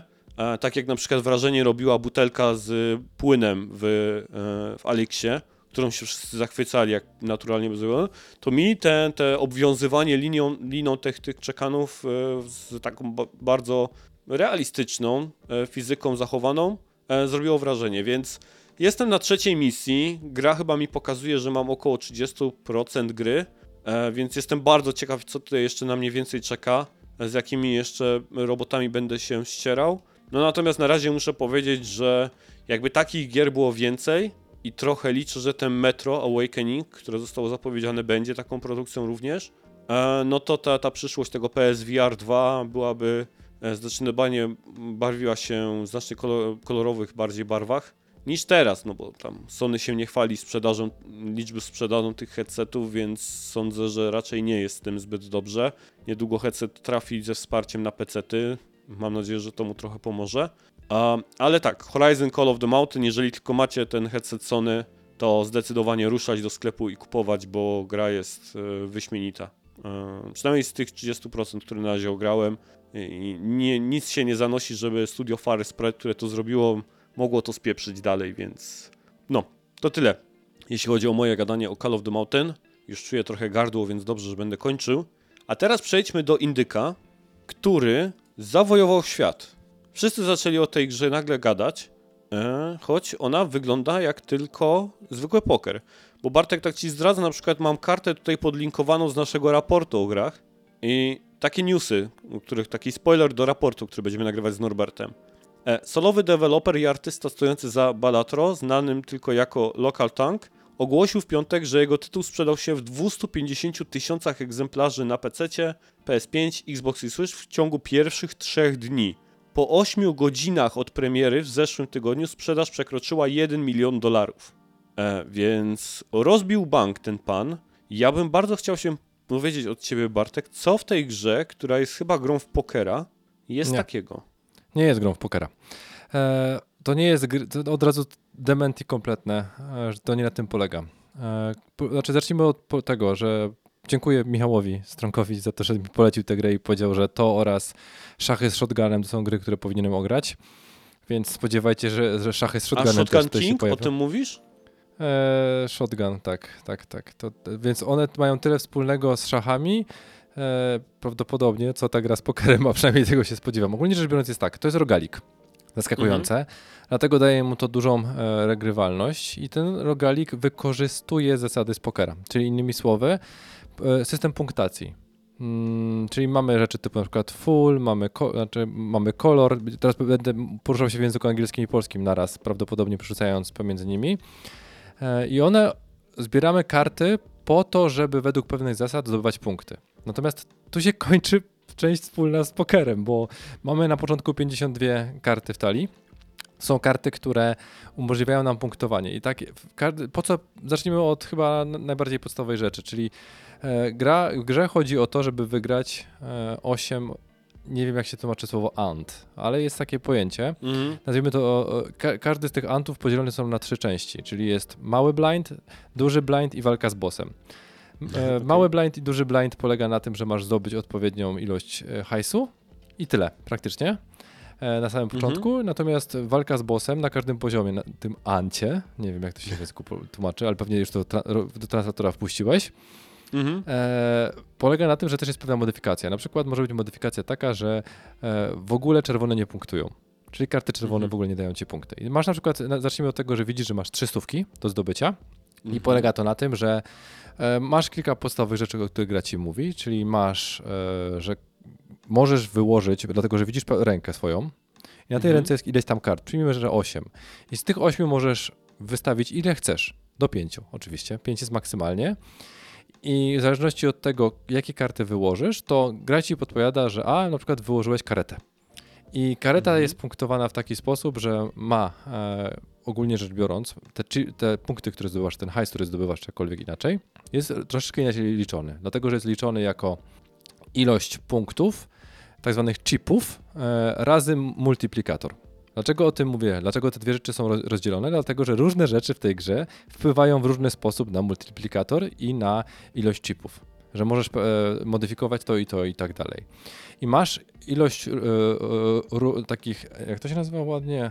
Czekaj, odpalę sobie grę, żeby potem nie być bardzo gołosłownym. Już, chwileczkę. I masz na przykład ten właśnie 8 na ręce kart Mhm. i masz tak zwane handy, czyli ilość rąk. Jezus Maria, nie, nie będę próbował tłumaczyć ten język polski. Okej. E, I jeżeli w ciągu tych czterech, czy tam pięciu, czy tam potem może być wiele, więcej ich, na przykład można to modyfikować, tych handów, e, czyli tak zwanych rozdań w ramach jednego blinda, nie zdobędziesz tej kasy, to po prostu przegrywasz i wracasz na początek i zaczynasz wszystko od nowa. I to jest jakby Mhm. taka jakaś śmierć. Czyli jak przegrasz albo w blindach, albo z bossami, zaczynasz od nowa, nie? Gra niby, znaczy run kończy się wtedy, kiedy pokonasz e, 8 razy 3, czyli 24 rozgrywki, gdzie ilość chipów, które musisz dobywać dla, dla każdej po prostu rośnie, nie? Mhm. I to jest niby z tych podstawowych, bo tutaj się zaczyna zabawa e, i ten replayabi- replayability. Dlatego, że jeżeli mielibyśmy tylko te dwie rzeczy, czyli na przykład mielibyśmy randomowe rzeczy, które wpadają nam. O, jeszcze nie powiedziałem o discardzie, że możesz discardować też odpowiednią ilość kart i wyrzucić je. Natomiast musisz pamiętać, że masz 52 karty w deku na samym początku, potem możesz też dodawać. I jeżeli mówilibyśmy tylko o tym, no to, to, to jest nudna gra, nie? Bo tak de facto wykorzystujesz karty oraz e, pewne ustawienia, figury Mhm. czy tam zestawienia znane z pokera po to, żeby zdobywać punkty. Natomiast to się No. gra nie kończy, dlatego że to jest rogalik e, i pomiędzy każdymi pojawia się sklep. I możesz Mm. kupować pewne modyfikatory, które na przykład albo, o, to jest y, jeden z podstawowych ciekawych rzeczy, są jokery. Jokerów jest dużo, ja chyba widziałem koło, w kolekcji jest około ich 50. Każdy z tych jokerów ma, sumie każda karta prawdopodobnie e, z tych ma tak zwane rarity, nie? Czyli, że są commony, uncommony i tak dalej, rare. Mhm. I w zależności od tego też mają inną cenę, dlatego że w sklepie możesz się pozbywać rzeczy, które już kupiłeś i je odsprzedawać. I teraz, dlaczego mówię o jokerach? Dlatego, że z jednej strony mamy u góry 5 slotów na dzień dobry na jokery i te jokery mogą wpływać na różne rzeczy, na przykład e, na multiplikator, albo na chip osobno, albo na jedno i na drugie, jak spełnisz odpowiednie warunki. I masz Mhm. też tak zwane dwa sloty consumables, czyli rzeczy, które możesz e, skonsumować, które dają ci albo krótkotrwały efekt w ramach jednego handa, albo w ramach jednej rundy, lub permanentny w ramach jednego run, e, runa. I na przykład to może być modyfikacja taka, że możemy levelować e, w te zestawienie, nie wiem jak to się nazywa, czym jest w kareta w pokerze. To jest No, pyta- pytanie. ja w pokera to zupełnie... Ja też nie będę Leżę. błyszczał, że grałem, kiedy- że, tak, ale możemy levelować te rzeczy, na przykład dwie pary, Nie jest jedną to kareta od tam, od ko, tam kolejne po kolei tam ułożone? Ale nie, nie, ja się pytam, czym jest kareta, a nie co to jest kareta. Bo kareta to są cztery identyczne karty. E, w- Mhm. Może być. Więc ja teraz będę bardzo szybko e, googlował. E, I teraz to, to, to układ, układ pokerowy, dobra, może Mm. pasuje mi to stwierdzenie, układy. I teraz każdy z tych układów możesz levelować. Na przykład możesz zauważyć, że częściej ci się zdarzają, oczywiście na zasadzie prawdopodobieństwa, bo znasz własny deck, że będą się Mhm. zdarzać pewne częściej, więc leveluję sobie na przykład e, dwie pary na poziom drugi. To powoduje, że zmniejsza mi się, zwiększa mi się modyfikator i zwiększa mi się e, ten ilość chipów, tak? To, tak zwana bazowa. Dlaczego bazowa? Mhm. Dlatego, że na przykład jak wyłożę teraz dwie pary, na przykład as, as, e, dziewiątka i dziewiątkę, to co on robi? To gra bierze sobie i dosumowuje. Czyli bierze te wyłożone, które biorą e, udział w tym układzie pokerowym, który wybrałem, znaczy który został wybrany automatycznie, bo ja nie mam na to wpływu, zostaną dosumowane do mojej lewej strony, czyli na przykład do chipów. Pyk, pyk, pyk, pyk, pyk, czyli e, 11 to jest as, e, 9 to jest 9, czyli w tym momencie powinienem mieć plus e, 22, plus e, tam jest, powiedziałem 9, nie? Mhm. Czyli 39, tak? Plus Tak. 39 na ilości strony chip- chipów razy mo- modyfikator. I teraz to jest jakby e, ta podstawowa rzecz. Jokery wpływają mi na jedno i na drugie, czyli na przykład jak spełnione są warunki, mogą mi modyfikować obie strony. Dodatkowo mogę levelować układy, czyli te, te bazowe wartości, od których zaczynam, jak e, spełnię warunki układu pokerowego. I co jeszcze mamy? Bo to nie jest koniec, nie? Jeszcze mamy tak zwane consumables, czyli na przykład mamy, to sobie e, nawet nie będę po prostu próbował tego tłumaczyć na język polski, jeżeli pozwolisz. No tak, No, tak. mamy- to są przedmioty użytkowe, no. Tak, mamy karty Tarota, które. E, e, dobra, zacznę od planet, bo planety to są właśnie te, które e, możemy sobie kupić planetę, znaczy planet, kartę planety, która właśnie leveluje mi te układy pokerowe. okej. Nie? To jest, to jest ta najprostsza rzecz. Potem mamy karty Tarota i Spektrale, które modyfikują, e, mogą na przykład modyfikować mi karty. I mogą spowodować na przykład taki as, który do tej pory był e, asem, który dawał mi tylko 11 punktów na, na stronie lewej, czy niebieskiej chipów, może teraz jeszcze mieć modyfikator półtora albo dwa. Mhm. I zaczynasz się, wiesz, e, ran po ranie kombinować tak, żeby maksymalizować tą ilość e, punktów, które za tę ilość rąk dostajesz. I na początku to są niby proste rzeczy, ale potem jak sobie odblokowujesz pewne rzeczy, spełniasz pewne warunki i tak dalej, to mogą być komba, które same siebie napędzają. Na przykład możesz Mhm. mieć jokera, który powoduje, że powtórz. Pierwszą kartę zawsze powtórz. I ta karta będzie powtarzała, wiesz. I to, to, to, i to jest... Ciężko mi to wytłumaczyć, bo sam byłem zdziwiony, że ta gra może być taka grywalna, pomimo dużej ilości rzeczy, które trzeba na dzień dobry ogarnąć. Bo po pierwsze ogarniasz, o co chodzi z tymi pokerowymi rzeczami. Tak, no te pokerowe wszystkie reguły, no i zasady.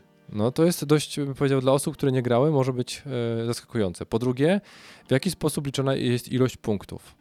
E, tylko i wyłącznie wystawiając z ręki, nie? Po trzecie, okazuje się, że to nie jest koniec, dlatego że każda z tych kart ma kilka wersji. Może mieć wersję złotą, może mieć wersję platynową, może mieć wersję przeźroczystą, może mieć wersję z modyfikatorem takim, srakim i owakim. I skąd one pochodzą? Na przykład pochodzą z kart właśnie tarotowych albo z kart e, z modyfikatorów spektralnych i tak dalej, że możesz budować modyfikatory, możesz sobie z deka wywalać karty, możesz do niego dorzucać odpowiednich paczek, bo oczywiście rzeczą, której jeszcze nie powiedziałem, to jest to, że oprócz kupowania kart odkrytych możesz kupować boostery, które mają na przykład 5 kart, wybierasz jedną, nie? czyli takie bardzo randomowe Mm. rzeczy, więc też trzeba ogarniać, e, co jest w danym boosterze, dlatego że są boostery na każdych z consumables dodatkowo, i na jokery. Dodatkowo jest to, że e, musisz mieć miejsce, żeby to kupić. Więc jak sobie kupisz kartę, która ci tworzy dwa jokery, a nie masz miejsca, to zmarnowałeś kartę. Mhm. E, bo ci, e, z tego co pamiętam, udało mi się odpalić, ale potem czytałem już, że nie, nie powinienem odpalać, że najpierw powinienem zrobić slota. Możesz to sprzedawać, e, więc tak jakby randomowości jest sporo, bo po każdej rundzie dostajemy modyfikator, znaczy dostajemy pewne modyfikatory, z których sobie wybieramy taki, który najlepiej nam leży do stylu gry. Na przykład jeżeli stwierdzimy, że gramy na czerwone, to możemy spowodować, że od, w tym momencie wszystkie czarne karty, czyli na przykład piki i trefle, e, zamieniam sobie na karty czerwone, na per, permanentnie, nie? Albo że modyfikuję Mhm. w taki sposób, że one są tak zwanymi wildcardami, czyli że są traktowane przez grę jak każdy inny kolor. Okej. Więc tak jakby z każdą kolejną rozgrywką, z każdym kolejnym przejściem, rundą, to się ładnie nazywa rundy, te duże, czyli mamy Mhm. trzy rundy na jeden ant. Nie wiem, nie, nie, nie, nie, nie pewnie możecie mnie stłamsić, zjebać czy cokolwiek w Może to jest jakieś logiczne. wśród graczy pokerowych, może ktoś nam zdradzi coś takiego. No ale dobra, nieważne. Może tak być. Nie wiem. E, nie jestem zainteresowany za bardzo poprawieniem tego. E, nazwijmy to cio- ciotkami, tak? Anty. Czyli to są takie jeden ant. Dobra, to się pisze przez A, żeby nie było, że jestem e, język angielski fatalny. I to, właśnie to, że jak zginiesz, zaczynasz od nowa i możesz to bardzo szybko zrobić. W sensie naprawdę to są bardzo szy- szybkie rozgrywki i nie trzeba kognitywnej ilości mm, dużej przy, przy wiesz, przykładać do tego, że po śmierci muszę coś pamiętać. Nie, bo to nowy run. Mm. Mogę zmienić mogę e, zmienić styl grania, mogę, wcześniej mi szło z parami, bo mi non-stop wychodziły pary, a to teraz spróbuję rozwinąć pa- pary do dziewiątego poziomu i zobaczymy, co z tego wejdzie, nie? Mm. co tam wyjdzie. E, więc jest wiele możliwości i dzięki temu, że nie musisz po pewnym czasie dużo czasu e, poświęcać na myślenie, bym powiedział, tylko staje się to bardzo intuicyjne, nawet bym powiedział logiczne, jak już zrozumiesz, do czego są taroty, spektrale, planety, jakie są jokery, czego się spodziewać i tak dalej, i tak dalej. Jakie dają, nawet widać po prostu na dzień dobry, że jak się męczę przy trzeciej rundzie, bo nie mam odpowiedniego jokera, to po prostu wywala mi od nowa i zaczynam, nie? nie be, Mm. Bez tego, bez, bez straty. No nie wiem, co więcej powiedzieć. Ja w tę grę już naprawdę mam odblokowane dużo, bo według progresu to jest jakieś... Dobra, to nie jest dużo. Według progresu to jest 47%? No to jest całkiem już sporo. No w rogaliku, w którym ko- e, nie wiem, czy on liczy consumables, czy inne rzeczy, czy challenge i tak dalej, i tak dalej, co, co on w ten procent wlicza. to Ale gra naprawdę chyba, to jest... ona kosztuje ile? 6 dych, tak? Chyba coś koło tego. Ja ją kupiłem na jakiejś śmiesznej promocji. Nie, Wydaje mi się, że ona nie kosztuje jej nie 60 kupiłem na promocji. Ona kosztuje 60 zł, tak, przepraszam. No Mhm, nie ją. No, coś więc, takiego. I jeżeli chodzi o ilość czasu, jaki jak fan mi sprawia, to stwierdzam, że to jest warte swojej ceny, ale to dla mnie dalej zaskoczeniem było, że 20-złotowa gra, pan Wampirek e, albo Brotato, które są, dają taki fan przy takiej prostocie Mm. rozgrywki, no to ja to, jestem nie, nie, w ogóle nie jestem nie zaskoczony, że ta gra tyle kosztuje i naprawdę jest warta, e, warta świeczki, warta spróbowania, bo wciąga i to bardzo, nie? To jest, to jest syndrom kolejnej rozgrywki, dlatego że czas rozgry, rozegrania kolejnego ani nie jest duży, bo można to Mhm. naprawdę bardzo szybko obejść. E, Potem już naprawdę to jest pyk, pyk, pyk, pyk, ty już wiesz, co wybierasz, bo masz na, przy podstawowym ustawieniu masz 8 kart na ręce, więc tych 8 kart możesz wybrać jedną, dwie, trzy, cztery, pięć i w zależności od tego, ile wybierzesz, możesz mieć, no nie zrobisz z pięciu e, odpowiedniego układu pokerowego, ale to wiadomo, nie, ale przy czterech Mhm. zastanawiasz się, czy warto teraz wystawić na przykład dwie pary, czy poczekać, bo w talii mam coś tam, nie? Więc Mm. znowu musisz No, myśleć, bo... takie ro- rozkminy pokerskie, nie? No tak, ale między, między tymi, między e, ranami możesz coś spowodować, coś zmodyfikować co będzie bardziej sprzyjało e, układowi, który masz w talii. Nie? Jak na przykład wybierasz w boosterze, to czasami opłaca się wziąć kartę, która nie ma modyfikatorów, ale ma odpowiedni kolor do twojego aktualnego rano, niż na przykład wziąć super dopakowaną. Dobra, nie będzie super dopakowana, ale będzie dopakowana karta, która daje ci tam dodatkowe boosty. Mhm. No spoko. Mm, Brzmi jak coś, co byłoby też fajne na, do, na portalu do ogrania, więc... Jezu, zdecydowanie. To, to jest. Znaczy, ja nie widzę tego na dużych. Dosłownie. To jest ten feeling, Mm, który ja coś na małym mam. ekranie, nie? W Tak, łóżku... handheld. Tak, dokładnie. W łóżku, e, nawet jak ci żona powie w połowie, weź to wyłącz, cokolwiek innego, to Switch jest idealny na to, bo możesz w połowie rozgrywki uspać go, odłożyć, wracasz, patrzysz, aha, tu byłem i lecisz dalej, nie? Tak jak mówię, No, koszt kognitywny wejścia No. w to samo miejsce po pewnym czasie jest tak minimalny, że patrzę na kartę, aha, mam tyle punktów, dwa zostało mi, dobra, wiem gdzie jestem, nie? A powiedz mi, osoby, które nigdy nie grały w pokera, zupełnie nie znają reguł i tak dalej, czy ta, ta gra ich wprowadzi w te reguły? Popatrz, to, to nie jest poker. No tak, ale Poker wiesz, że musisz, Popatrz, wiesz, że, to- że to- są pary, że są trójki, co to jest, wiesz, Tak, jak... tak, ale to są układy pokerowe. To, No, to no. ci tłumaczy, co jest za coś i ty ma, widzisz na dzień dobry, bo on ci je wylistuje tak de facto Okej, najprawdopodobniej. o to mi chodziło, no. E, a nawet jak sobie wybierzesz dwie, to on ci po, on, widać po prostu, bo jak wybieram sobie parę, to on mi pokazuje u góry, jaki układ pokerowy będzie skorowany i na jakim jest levelu. Czyli na przykład jest zapisane, że par level 2, nie? Czyli nawet jak zapomnisz, co jest czym, to on ci, e, że tak powiem, powie, on chodziło. umoż... Tak, ale to, to jest istotne. On ci nie podpowie, co masz na ręce. On Mhm. ci nie podświetli i nie powie ci, że najlepiej człowieku byłoby, gdybyś zagrał karetę teraz, bo masz na to Mhm. najwięcej punktów. I też nie powie ci w momencie wybierania, ile punktów za to dostaniesz, bo wszystko, wiesz, te modyfikatory u góry, które masz, one to jakby nabijają się e, w, ta, w, w trakcie, po, tam, po tym jak po prostu zagrasz daną, da- dane, dany układ, czy, czy wystawisz daną rękę, nie? Mhm. Jezu, No dalej złe stwierdzenie. No, ja sobie zdecydowanie, jakbym nie telefonu używał jako ten, to bym sobie od razu do listy dodał. E, No, bo zdecydowanie. Brzmi, Powiem ci- brzmi bardzo ciekawy. Bo to nie, nie sprawdzałem, czy to, bo to poszło na PC-ta i na Switcha, tak? Nie no, właśnie z tego, co tego newsa przeczytałem, no to jest na wszystkim. PS5, nie, zresztą ja na kanale tego PlayStation widziałem zwiastun. E, dlatego w ogóle wiem o tym tytule cokolwiek, jak on wygląda i tak dalej, bo na kanale PlayStation nagle poleciał tego zwiastun. I się tak zastanawiałem, what the hell? No, kosztuje 14,99. Złotych? Nie, dolców, no co ty. Dolców, no, ja myślałem jak złotych, to bym to od razu brał teraz, ale ten... Nie no, Dobra. jakby tak- tak, na PlayStation kosztowało 14,99, a na Switchu 60. No, No. gratki szmatki. Nie, nie, nie o to chodziło. Nie, bo Ale e, tak, ta, zde- zdecydowanie, to jest, ja byłem zaskoczony tym, bo Michał mi napisał, ty zrobili z pokera tego, nie, e, ja, No, zrobili rogalika z pokera? Aha, to, to, to, tak, tak, tak, tak, dokładnie, nie? E, Ale potem jak zagrałem pierwszą rozgrywkę, żeby się faktycznie przekonać, co, w czym to jest, co to jest, i zobaczyłem, że to nie jest poker, bo tu nie grasz przeciwko graczowi, czy przeciwko stołowi, czy przeciwko innym graczom, tylko po prostu Mhm. starasz się maksymalizować ilość punktów e, zdobytych i co na to wpływa, to już była zupełnie inna, inna zabawa, więc nie do końca jestem przekonany, czy stwierdzenie, że to jest ro- rogalikowy poker nie szkodzi tej grze bardziej niż powiedzenie, czym ona faktycznie jest. Mhm. No, bardzo ciekawe. Jeżeli ktoś szuka czegoś takiego. E, tylko Bartek, powiedz mi, e, to czy Inscription? Inscription. Okej. Znaczy, Przez dobra, jeżeli. Czekaj, wróćmy. Jeżeli Inscription miałoby tylko pierwszy level, pamiętaj. Dla mnie pierwszy level Inscription, jakby był rogalikiem dłuższym, z, większy, z większą ilością bossów i tak dalej, e, bez wahania bym powiedział Inscription. Natomiast trzeci level był dla mnie. Już powiedziałem, że trzy levele, tak? A przy Balatro e, mam wrażenie, że za każdym razem coś odkrywam, że jest jakaś kombinacja, o której nie pomyślałem. Bo zobacz, co jest, to jest istotne. Ja sobie teraz znowu odpalę, mm, znowu sobie odpalę e, ściągę, czyli konsolkę, żeby zobaczyć sobie, żeby szybko bardzo wejść e, do kolekcji. Jest tak, mamy 150 jokerów, nie 50, pomyliłem, mamy 150 jokerów, mamy vouchery, które modyfikują, bo tak jakby jeszcze jest voucher, które dodatkowo modyfikują, które nie powiedziałem. Mamy 22 karty tarota, 20, 12 kart planet, czyli tak zwanych 12 układów pokerowych, bo każda jest jakby nie każda, bo e, e, sorry, nie każda, bo z tego co kojarzę są karty planet, które są przywiązane do tego samego, czyli mogą modyfikować w różny sposób i mamy Mhm. karty spektralne.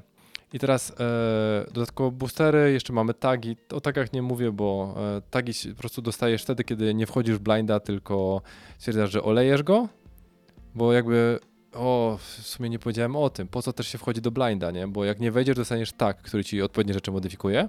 Natomiast jak wejdziesz, to też zarabiasz za to kasę. Mm. Kasę, która ci jest potrzebna w sklepie, nie? To jest jedna z ważniejszych rzeczy, która, którą powinienem powiedzieć, dlaczego się... E, znowu, to jest ekonomia. Ekonomia Tak, tej tak. gry, czyli myślisz o tym wszystkim. Mhm. Więc po tej ilości grania, które mam, jeżeli chodzi, to Inscription ma zupełnie inny klimat, ale jest rogalikiem e, deck buildingowym, nie? Tak jakby, Mhm. nie, znaczy nie jest deck buildingowym do końca, ale jest deck buildingowym potem w kolejnym akcie, więc to jest tak jakby... Dobra, już może ten, bo zaraz znowu coś zaspoilujemy i będą się ludzie denerwować. Nie, k- klimat z Inscription mi po prostu pasuje i to fest. To jest istotne. Klimat Mhm. w Inscription robi robotę. Tak. Klimat w Balatro, nie ma klimatu w Balatro, to nie jest gra z klimatem, to jest Mm. gra, w której rozgrywka robi wszystko, nie? I to jest ta różnica. Jeżeli mówiliśmy o i, pierwszy akt, koniec, Inscription. Teraz ciężko mi powiedzieć. Mo- Mhm. Bardziej mi się szala przechyla w kierunku Inscription, ale dlatego, że ja dobrze pamiętam pierwszy akt. Okej. To jak tak bardzo grałeś w Balatro, to ile pograłeś w tego Mario versus Donkey Kong? Sporo. Też? Bo przyszedł dwa tygodnie Kurde. wcześniej, nie? Kiedyś ty, ty tyle ograłeś tytułów i tyle gier? No, no, no. To, Nie poznaję e, kolegę. po, posiadanie, posiadanie Switcha daje mi tę przewagę, mm, że mogę go odpalić w dowolnym momencie i dowolnej chwili. Nie? Na przykład jak nie potrafię zasnąć albo cokolwiek takiego innego. E, to nie jest to nie jest tak mozolne, bym powiedział, jak uruchomienie PS5, nie? Bo PS5 jednak wymaga włączenia monitora, e, powiedzenie e, kochana żono, kocham cię, ale ten telewizor jest mój, czy cokolwiek innego. A w przypadku Switcha jest ta właśnie przewaga, że Chyba, że masz portala. Ech, To, Tomasz, żywa reklama e, wszystkiego od Sony. A kupiłeś już ten e, nowy kontroler? Nie Edge'a? wiem jak on się nazywa. Ten tak, wiesz, to, ten tak koło fortuny. A nie, te koło fortuny nie. nie, nie, nie, nie kupiłem jeszcze. Dobra, E, więc teraz no. Donkey, tak, skoczmy do Donkey Konga, jak już tak powiedziałeś, bo to jest drugi tytuł, który Mhm. przyszedł na walentynki. E, tak, mhm, na walentynki. Mhm. E, bo wiecie, co wyjdzie z miłości małpy i hydraulika? Hydraulika włoskiego, no. Mmm, rura. o Jezu, rura. Tego się nie spodziewałem usłyszeć. Dokładnie to samo powiedzieli zoolodzy, odkrywają w, e, odkrywając właśnie truchło hydraulika, bo jednak Donkey Kong robił bum, bum, bum. Do bum. Dobra. brzegu, Bartek, do brzegu. E, zrobiłem sobie mały research, bo nie będę ukrywał, że odgrywałem ten tytuł wcześniej i wie- wiedziałem, że to jest remaster i to jest pełny, znaczy to jest remaster, Mhm. e, nie remake, czyli tak de facto e, te same levele lub te same układy levelu zostały przeniesione tutaj. Więc one się pojawiają. Pojawia się raz, dwa, trzy, cztery, pięć, sześć z ośmiu światów. E, tak de facto, które już były wcześniej. On pojawił się na GBA, czyli na Game, Boy, Game Boyu e, Advance e, po raz pierwszy. Natomiast on miał swoje edycje w różnych innych miejscach i pewnie latał przez Nintendo. Nie będę, że tak powiem, brylował, bo jestem w świecie Nintendo dość nową osobą, ale jest to o tyle istotne dla mnie, że właśnie jest to pokazanie skąd ta niższa cena niż te 250 czy tam Mhm. 260 zł, które Bo no, nominalnie tani, się... Ile? On, 200 ja go kupiłem złotych? za Ile on kosztuje? 130 zł na promce. 130 zł na promce go Wow, kupiłem. kurczę. No, ko- no, No, no, fajna cena. Pre, pre, preorder to był, więc to, no nie można powiedzieć, że to jest, wiesz, e, ale to też nie jest gra bardzo skomplikowana. To nie jest No gra ja właśnie typu Mario to jest Wonder, prosta nie? gra chyba, nie? Taka To jest logiczna. Ideowo to nie jest, to jest jedna gra, ale nie jedna gra. Bo Mhm. po pierwsze, masz te e, 8 światów. Każdy z tych światów e, różni się specyfiką pewną, ma dodatkowe układy i te układy e, w niektórych, no, po prostu się, pewne mechaniki się nie powtarzają, one nie przechodzą pomiędzy każdym możliwym światem. I teraz na czym polega ta gra? Bo tak de facto ta gra polega na tym, że rozwiązujesz pewne zagadki logiczne. Mm. E, mamy jakby zawsze, każdy level jest e, po, podzielony na dwie części. Pierwsza część to jest otworzenie drzwi, czyli znalezienie klucza, doprowadzenie go. Może to być za pomocą jakichś przełączników, które są na ziemi, które przełączają pewne rzeczy, ukrywają, pewne rzeczy pojawiają się dzięki temu. Może to być za pomocą innych mechanik, typu na przykład e, wspinanie się i przejście drogi, w której wszyscy chcą cię zabić, e, zastrzelić i tak dalej. E, I trzeba ten klucz fizycznie donieść. To nie jest tak, że sobie go, wiesz, do kabzy czy do plecaczka. Nie, do, do, dostajesz go w ręce. Jak coś cię zrani, to on ci wypada i masz, nie wiem, jeżeli grasz na, mm, bo są dwa rodzaje trudności. Pierwszy to jest tak zwany casual, o ile się nie mylę, którym sprawdziłem ma 5 baniek, czyli 5 razy możesz do- dostać e, ranę, żeby cię e, skasowało, tak de facto i zabrało ci życie, bo życia też gromadzisz jak w każdym Mario. A Mhm. drugi to jest e, ten taki normalny, w którym mniej wybaczający. Więc jak do, dostaniesz hita w jakikolwiek sposób, gdziekolwiek spadniesz lub cokolwiek, coś, co się spodziewasz właśnie, co, co pojawiało się w grach Mario, to po prostu klucz ci wypada lub tracisz życie i zaczynasz ten level od początku, nie? Mhm. E, po jak już otworzysz drzwi, to po drugiej stronie jest coś, co jest dość istotne, dlatego że gra rozgrywa się pomiędzy konfliktu e, fabule... Jezu, jak zdradzę fabułę, mam nadzieję, że nikt mnie nie powiesi, nie? Ale No, nie no, Do- to jest Donkey intro do Kong- gry przecież jest fabularne, tak, nie? Donkey Kong e, e, podpieprzył wszystkie toysy, czyli wszystkie zabawki, bo z jak- jakiegoś powodu Mario w tej grze jest potentatem e, zabawek. Tak. Fuck the logic, because Nintendo. E, Nintendo król, czy jak cokolwiek chcecie e, w tym momencie przepisać. Więc w drugiej części każdego levelu jest to, żeby taką jedną zabawkę, a dokładnie taką, takiego toja w takiej kuli gigantycznej. Mario w e, sferze takiej okrągłej. Mar- tak, Mario Sfera, w tak? No. E, zdobyć.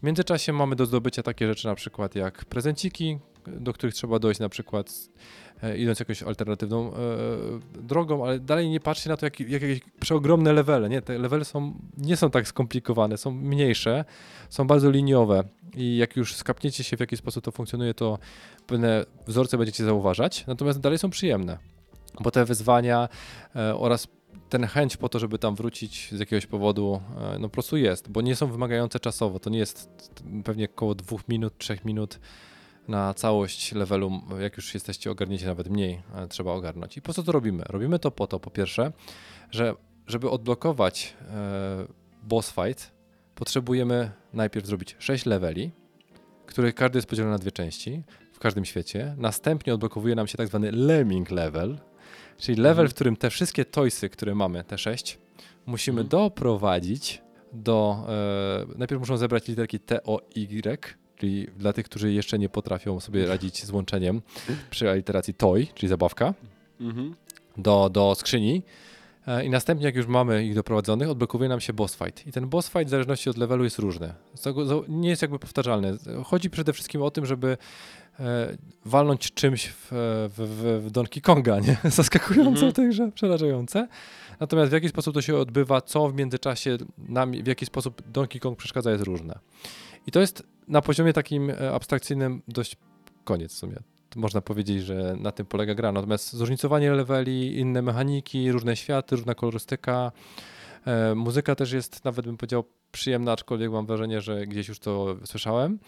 E, powoduje, że ten tytuł chce się grać, bo to jest bardzo przyjemna taka czekajka. To nie jest tytuł typu... Właśnie chciałem powiedzieć, że to jest pewnie coś takiego, co grasz na poczekaniu, bo te tak, Bo to, to, to jest tak, że odpalasz jakby, że ten poziom, tak jakby to, to nie jest taki poziom jak w 2D platformówce z Mario, tylko to jest taka jakaś łamigłówka do rozwiązania, nie? Tak naprawdę, która się mieści na całym ekranie na jednym e, i nie poruszasz się jakoś tam specjalnie daleko, dużo i, i czy cokolwiek w ten deseń.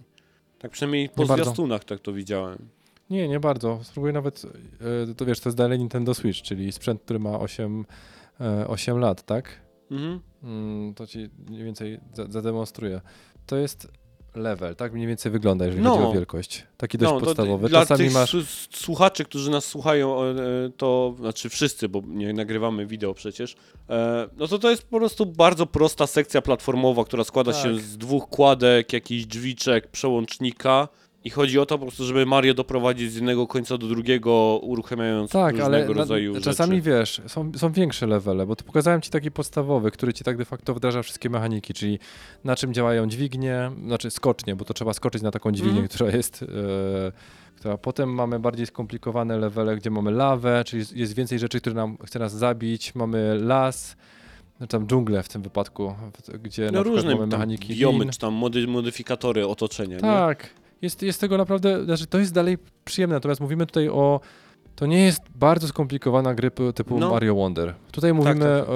E, jeżeli mnie teraz matematyka nie, nie myli, plus level, bo mamy 6, 7 leveli razy 8, plus dodatkowe jakieś tam challenge i tak dalej.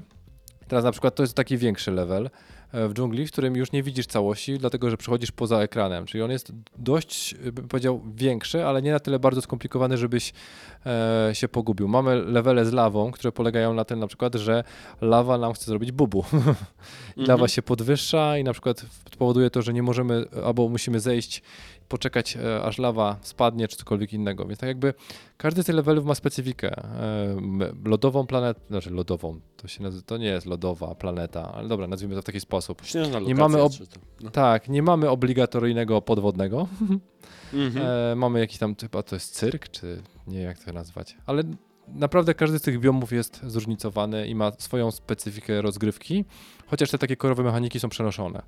Mhm. Natomiast w tej, to jest, mówię, po czekadu, to jest czekadejko, czekadełko, czek, nie wiem, jak, jaką nazwę br- brakuje mi. To nie jest, te dwa tytuły sp- spełniają dokładnie podobną funkcję, jeden i drugi. Tylko jeden jest specyfiką roguelike'a, a drugi jest bardziej taką zagadkową łamigłówką z wykorzystaniem po prostu postaci Mario.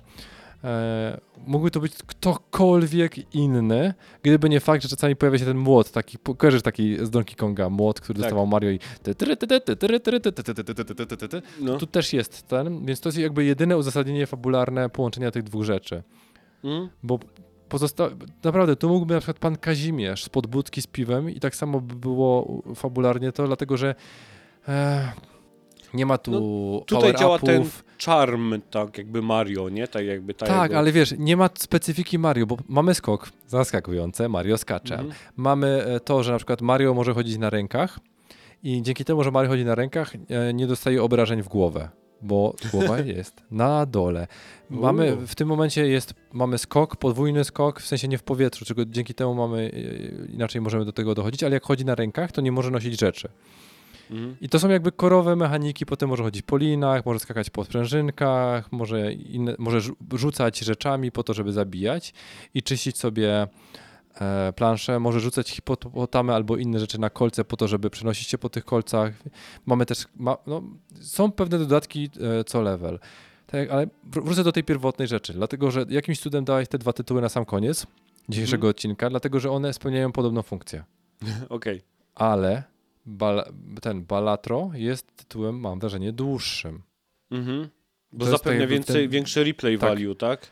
Tak, tak, tak. Chce się dużo bardziej, e, wiesz, bo potem na przykład jak już przejdziesz, dostajesz różne talie i te talie mają jakiś modyfikator, na przykład większą rękę, mniejszą rękę, Chcesz to przetestować, tak? Albo coś masz różne powoli, tak, dalej. difficulty, czy to combo faktycznie da ci, nie wiem, 100 tysięcy punktów, czy cokolwiek innego, więc tak jakby e, z mojego punktu widzenia Mario i Donkey Kong jest po to, żeby sobie pograć na przykład z córką, która ma Mhm. 6-7 lat Okej. i to jest, to jest tego typu rozgrywka, którą można spokojnie e, polecić komuś, kto chce grać z dzieckiem sam lub w dwie osoby. Natomiast jak grasz dwie osoby, to trzeba pamiętać, że nie ma casual trybu.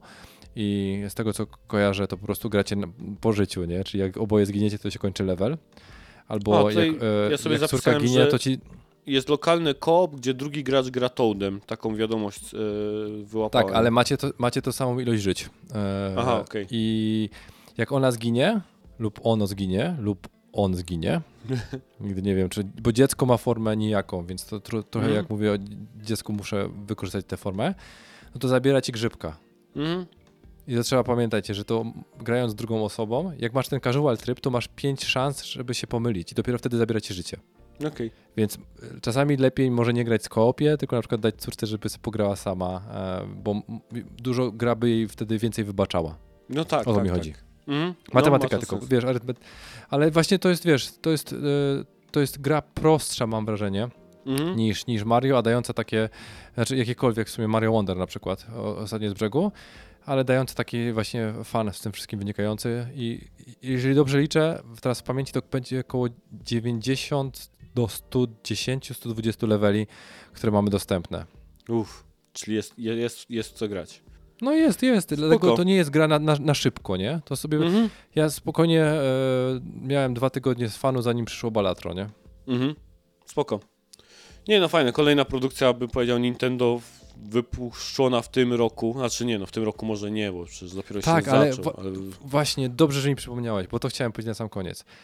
Nintendo nie wypuściło sobie tamtego tytułu w trybie emulacji, Mhm. Czyli wiesz, e, jakieś tam ich te inniejsze magi- magiczne systemy, tylko stwierdziło, że wydadzą go w postaci pełnoprawnego tytułu jako remaster. Czyli wiesz, grafika jest ładna. To, co widziałeś, jest naprawdę cieszy, Tak. cieszy okiem. Jest trochę infantylne, ale to. E, no Mario, no. Co, Mario, co, no. Ile ten facet ma? 37? On jest urodzony w 85 roku, czyli ma 38 lat teraz. Mhm. E, i, I dalej się bawi w skakanie po grzybach. No, dałby sobie już, poszedł na emeryturę albo znalazłby inną robotę. Nie, żartuję sobie w tym wszystkim, ale to, no, na, nadal ma swoją funkcję taką, wiesz, zabawową, nie? To nie jest Mhm. gra, która ma straszyć. To, od tego jest Mario i Luigi, e, znaczy Luigi Mansion. Ghost Mansion czy cokolwiek innego, nie? Ona ma inną konwencję. E, natomiast ta gra ma trochę obniżony tryb trudności, tak mam przynajmniej e, mam wrażenie, więc może punkt wejścia dla nowych osób będzie większy, tylko to nie jest Mario, taki wiesz, sky-scroller, tylko to jest jakiś level ograniczony, e, w którym masz odpowiednie zadania do wykonania. I to jest, wiesz, i to pokazuje to, że to unowocześnienie dla mnie jest wystarczającym uzasadnieniem, żeby to wydać na konsolę i kupić, Mhm. nawet jak się odgrywało wcześniej, w stosunku do na przykład o czym mówiliśmy w, wiesz, w kontekście Tomb Raidera, a mówimy o grach, które są w tym samym zakresie cenowym. No tak. No tak, no okej, przy takich cenach faktycznie to one są bardzo podobne, zbliżone do siebie na półkach sklepowych. Mhm. W sensie wiesz, ja tylko porównuję na razie po, po cenie, bo nie znam Mhm. ilości efortu, wysiłku, czasu, czegokolwiek innego, jakie te studia w, wiesz, e, wdrożyły. E, Tam pewnie w Tomb Raiderze są bardziej skomplikowane levele, natomiast piksele powodują, że nie są one tak przyciągające oko i ładne i wiesz, dopracowane. Mhm. Natomiast powiem szczerze, ja z miłą chęcią e, zagrałbym w Tomb Raidera w tych samych lokacjach, gdyby on został unowocześniony. Okej. na przykład ktoś stwierdził, że mamy Wenecję, ale są kilka dodatkowych rzeczy, które można zrobić, nie? Że to jest jednak remaster, e, remaster czy remake, czy co, znaczy remake'a wolałbym nie robić, nie? Mhm. Bo jak nie ma fabuły, to znaczy, dobra, fabuła o Xixing Fan Fan Fentin Tang Tam i się Lang Chao, czy tam cokolwiek, czy tam idziesz e, młot Mjolnira szukać, czy czegokolwiek innego, czyli tak zwana luźna fabuła wobec symboliki. Trochę jak w tym filmie z, z Angeliną Jolie. E, w- to jednak chciałbym do tych samych miejsc, wiesz, powrócić, ale w sposób ograniczony, żeby to był remake, ale coś pomiędzy remake'em a remasterem. Nie wiem jak nazwać to, nazwiemy to remake master, e, czy please don't shit on my e, childhood. Wiem, jak, o, to jest jak, najlepsza nazwa. No, ale wiesz, o co mi chodzi, nie? Mhm. że to jest coś, co oni zrobili w uzasadniony sposób i tego samego życzyłbym sobie od Tomb Raidera 1, 2 i 3 i one wtedy miałyby dla mnie sens nostalgiczny do nich powrotu. Natomiast Tak, porównując no- te dwie gry, Mhm. to jest trochę skok na kasę. Tak, tylko że no, to jest to, co powiedzieliśmy, że ja jednak mam, czuję tak pismo nosem, że effort, y, żeby tak bardzo specyficzny, skrojone budowę leveli, bo nie ma innych gier niż Tomb Raider z tamtych czasów tak działających i tak skonstruowanych, nie? To były wyjątkowe gry. Tak jakby nie było żadnych innych, które kopiowały ten schemat taki blokowy tych e, wyzwań, takich bardzo zręcznościowych elementów. Potem gry poszły w zupełnie innym kierunku i nie było tak wielu gier, które coś takiego robiły, więc te gry są na tyle specyficzne, że one by naprawdę musiały zostać zrobione właśnie jak pewnie zrobiło to Crystal Dynamics, czyli po prostu e, od zera. E, Znaczy wiesz, żeby- nie, nie, nie ujmując, to są te trzy tytuły naprawdę zrobiły gigantyczne podwaliny pod kątem e, game devu i tego No tak, w jaki sposób Mhm. Na późniejsze gry i, i, i całą branżę oczywiście, że tak, to gigantyczny wpływ. Więc nawet seksualizacja Lary zrobiła, pe, miała pewną funkcję, nie? W kontekście popularyzacji, bo mówili nawet ludzie o tym, o e, symbolu komputerowym z lat Mhm. 90., gdzie większość osób nie miała jeszcze wtedy komputerów, zaufajcie mi. Jak ktoś miał na osiedlu komputer, to wszyscy do niego przychodzili i mówili, Jezu, jak ta gra ma fotorealistyczny wygląd, a to była FIFA 9.8. Weźcie sobie na YouTubie, wpiszcie, jak wygląda FIFA 9.8, to nie ma, z fotorealizmem ma tyle wspólnego, co Tomek e, e, z baletem. Nie mam lepszego porównania dzisiaj. Wiedziałem, że powiesz balet. Jakoś tak zawsze ten balet wchodzi tak Ja- jako pierwszy tam nie, na ja, myśl. ja po prostu nie, nie, nie czaję baletu, wiesz, dla mnie to jest, e, to jest coś, czego ja nigdy nie zrozumiem i nie, mam zamiaru nawet próbować w kontekście, wiesz, jak, ile człowiek może stracić i poświęcić, żeby e, być dobry w tym, w tym, e, w tym balecie. Dobra, ale wracając do tego wszystkiego, do tego, o czym mówiliśmy właśnie, e, to wtedy to jest uzasadniona nostalgiczna wycieczka, żeby to wszystko, wiesz, ogarnąć i zobaczyć, nie? ale Mhm. możecie to zobaczyć na YouTubie i nie ma z tym żadnego, wiecie, ża żadnego faktycznie e, problemu. Więc tak jak mówię, dziękuję, że te rzeczy się zadziały, e, bo bez tego nie bylibyśmy ani my tu, dlatego że to są moje pierwsze tytuły. E, ludzie by nie kombinowali, wiesz, spinaniem się. Zauważcie, co było wtedy w spinaniu, co mamy na przykład w Horizonie, Mhm. żółte szc- znaczki, jak wygląda nowe wspinanie w Tomb Raiderze, bo naprawdę dzisiaj sprawdziłem i te, że wbijam, czekam, nawet nie myśląc o tym, jak widzę ten, ten wiesz, ten taki rodzaj e, gramatury Skały taki pomarszczony, no. Tak, takimi perforacjami, nie? Że ja robię to automatycznie, nawet o tym kurde nie myśląc, nie? W jaki sposób jest traversing i że zaczęliśmy od tego miejsca, gdzie był gigantyczny blok i było widać, że tam jest półka, na którą muszę wskoczyć i doszliśmy do miejsca praktycznie przez tą samą firmę robionego, bo dalej robił Eidos, Eidos potem odsprzedał prawa Square Enix, e, które tam Mhm. pomimo, że Eidos się też z Crystal, Dynamics, nie, miział i w ogóle, więc on potem odsprzedał to studio e, Square'owi i tak dalej. I ile oni ewolucji zrobili z tym samym, z tym samym tytułem właśnie na przykład w kontekście traversingu, nie? W jaki sposób teraz Uncharted do tego podszedł, dodając filmową narrację i pomimo, że te gry się różnią, to mają ze sobą wiele podwalin wspólnego, które zostały wykopane w 98, 7 i 6 roku. Mhm. I tak zaczęliśmy koło chyba po całym odcinku, bo praktycznie przy okazji mówienia o Mario i Donkey Kong weszliśmy jeszcze chwilę do Tomb Raidera, e, a za chwilę w wolnych wnioskach porozmawiamy sobie o problemu Bartka z baletem. Nie no, oczywiście e, żartuję. Teraz będziemy kończyć odcinek już późna godzina, a więc e, to by było na tyle z 86 odcinka raczej konsolowego Gamecastu. E, Dziękujemy każdemu, kto dotarł do tego miejsca. Fajnie, że jesteście, fajnie, że słuchacie. Oczywiście, jeżeli tylko Wam się podoba to, co tutaj robimy, to podawajcie nas dalej. E, I nie pozostało mi nic innego, jak podziękować również i Tobie, Bartek, za odcinek. Mi pozostało jeszcze jedno pytanie do dodania, bo bardzo mnie ciekawi, czy ktoś e, z tym tytułem Tomb Raider 1.3 zderzył się albo ma z tego fan, dlatego że zderzył się, użyłem e, z per, perfidną premedytacją, nie grając w niego w latach 90.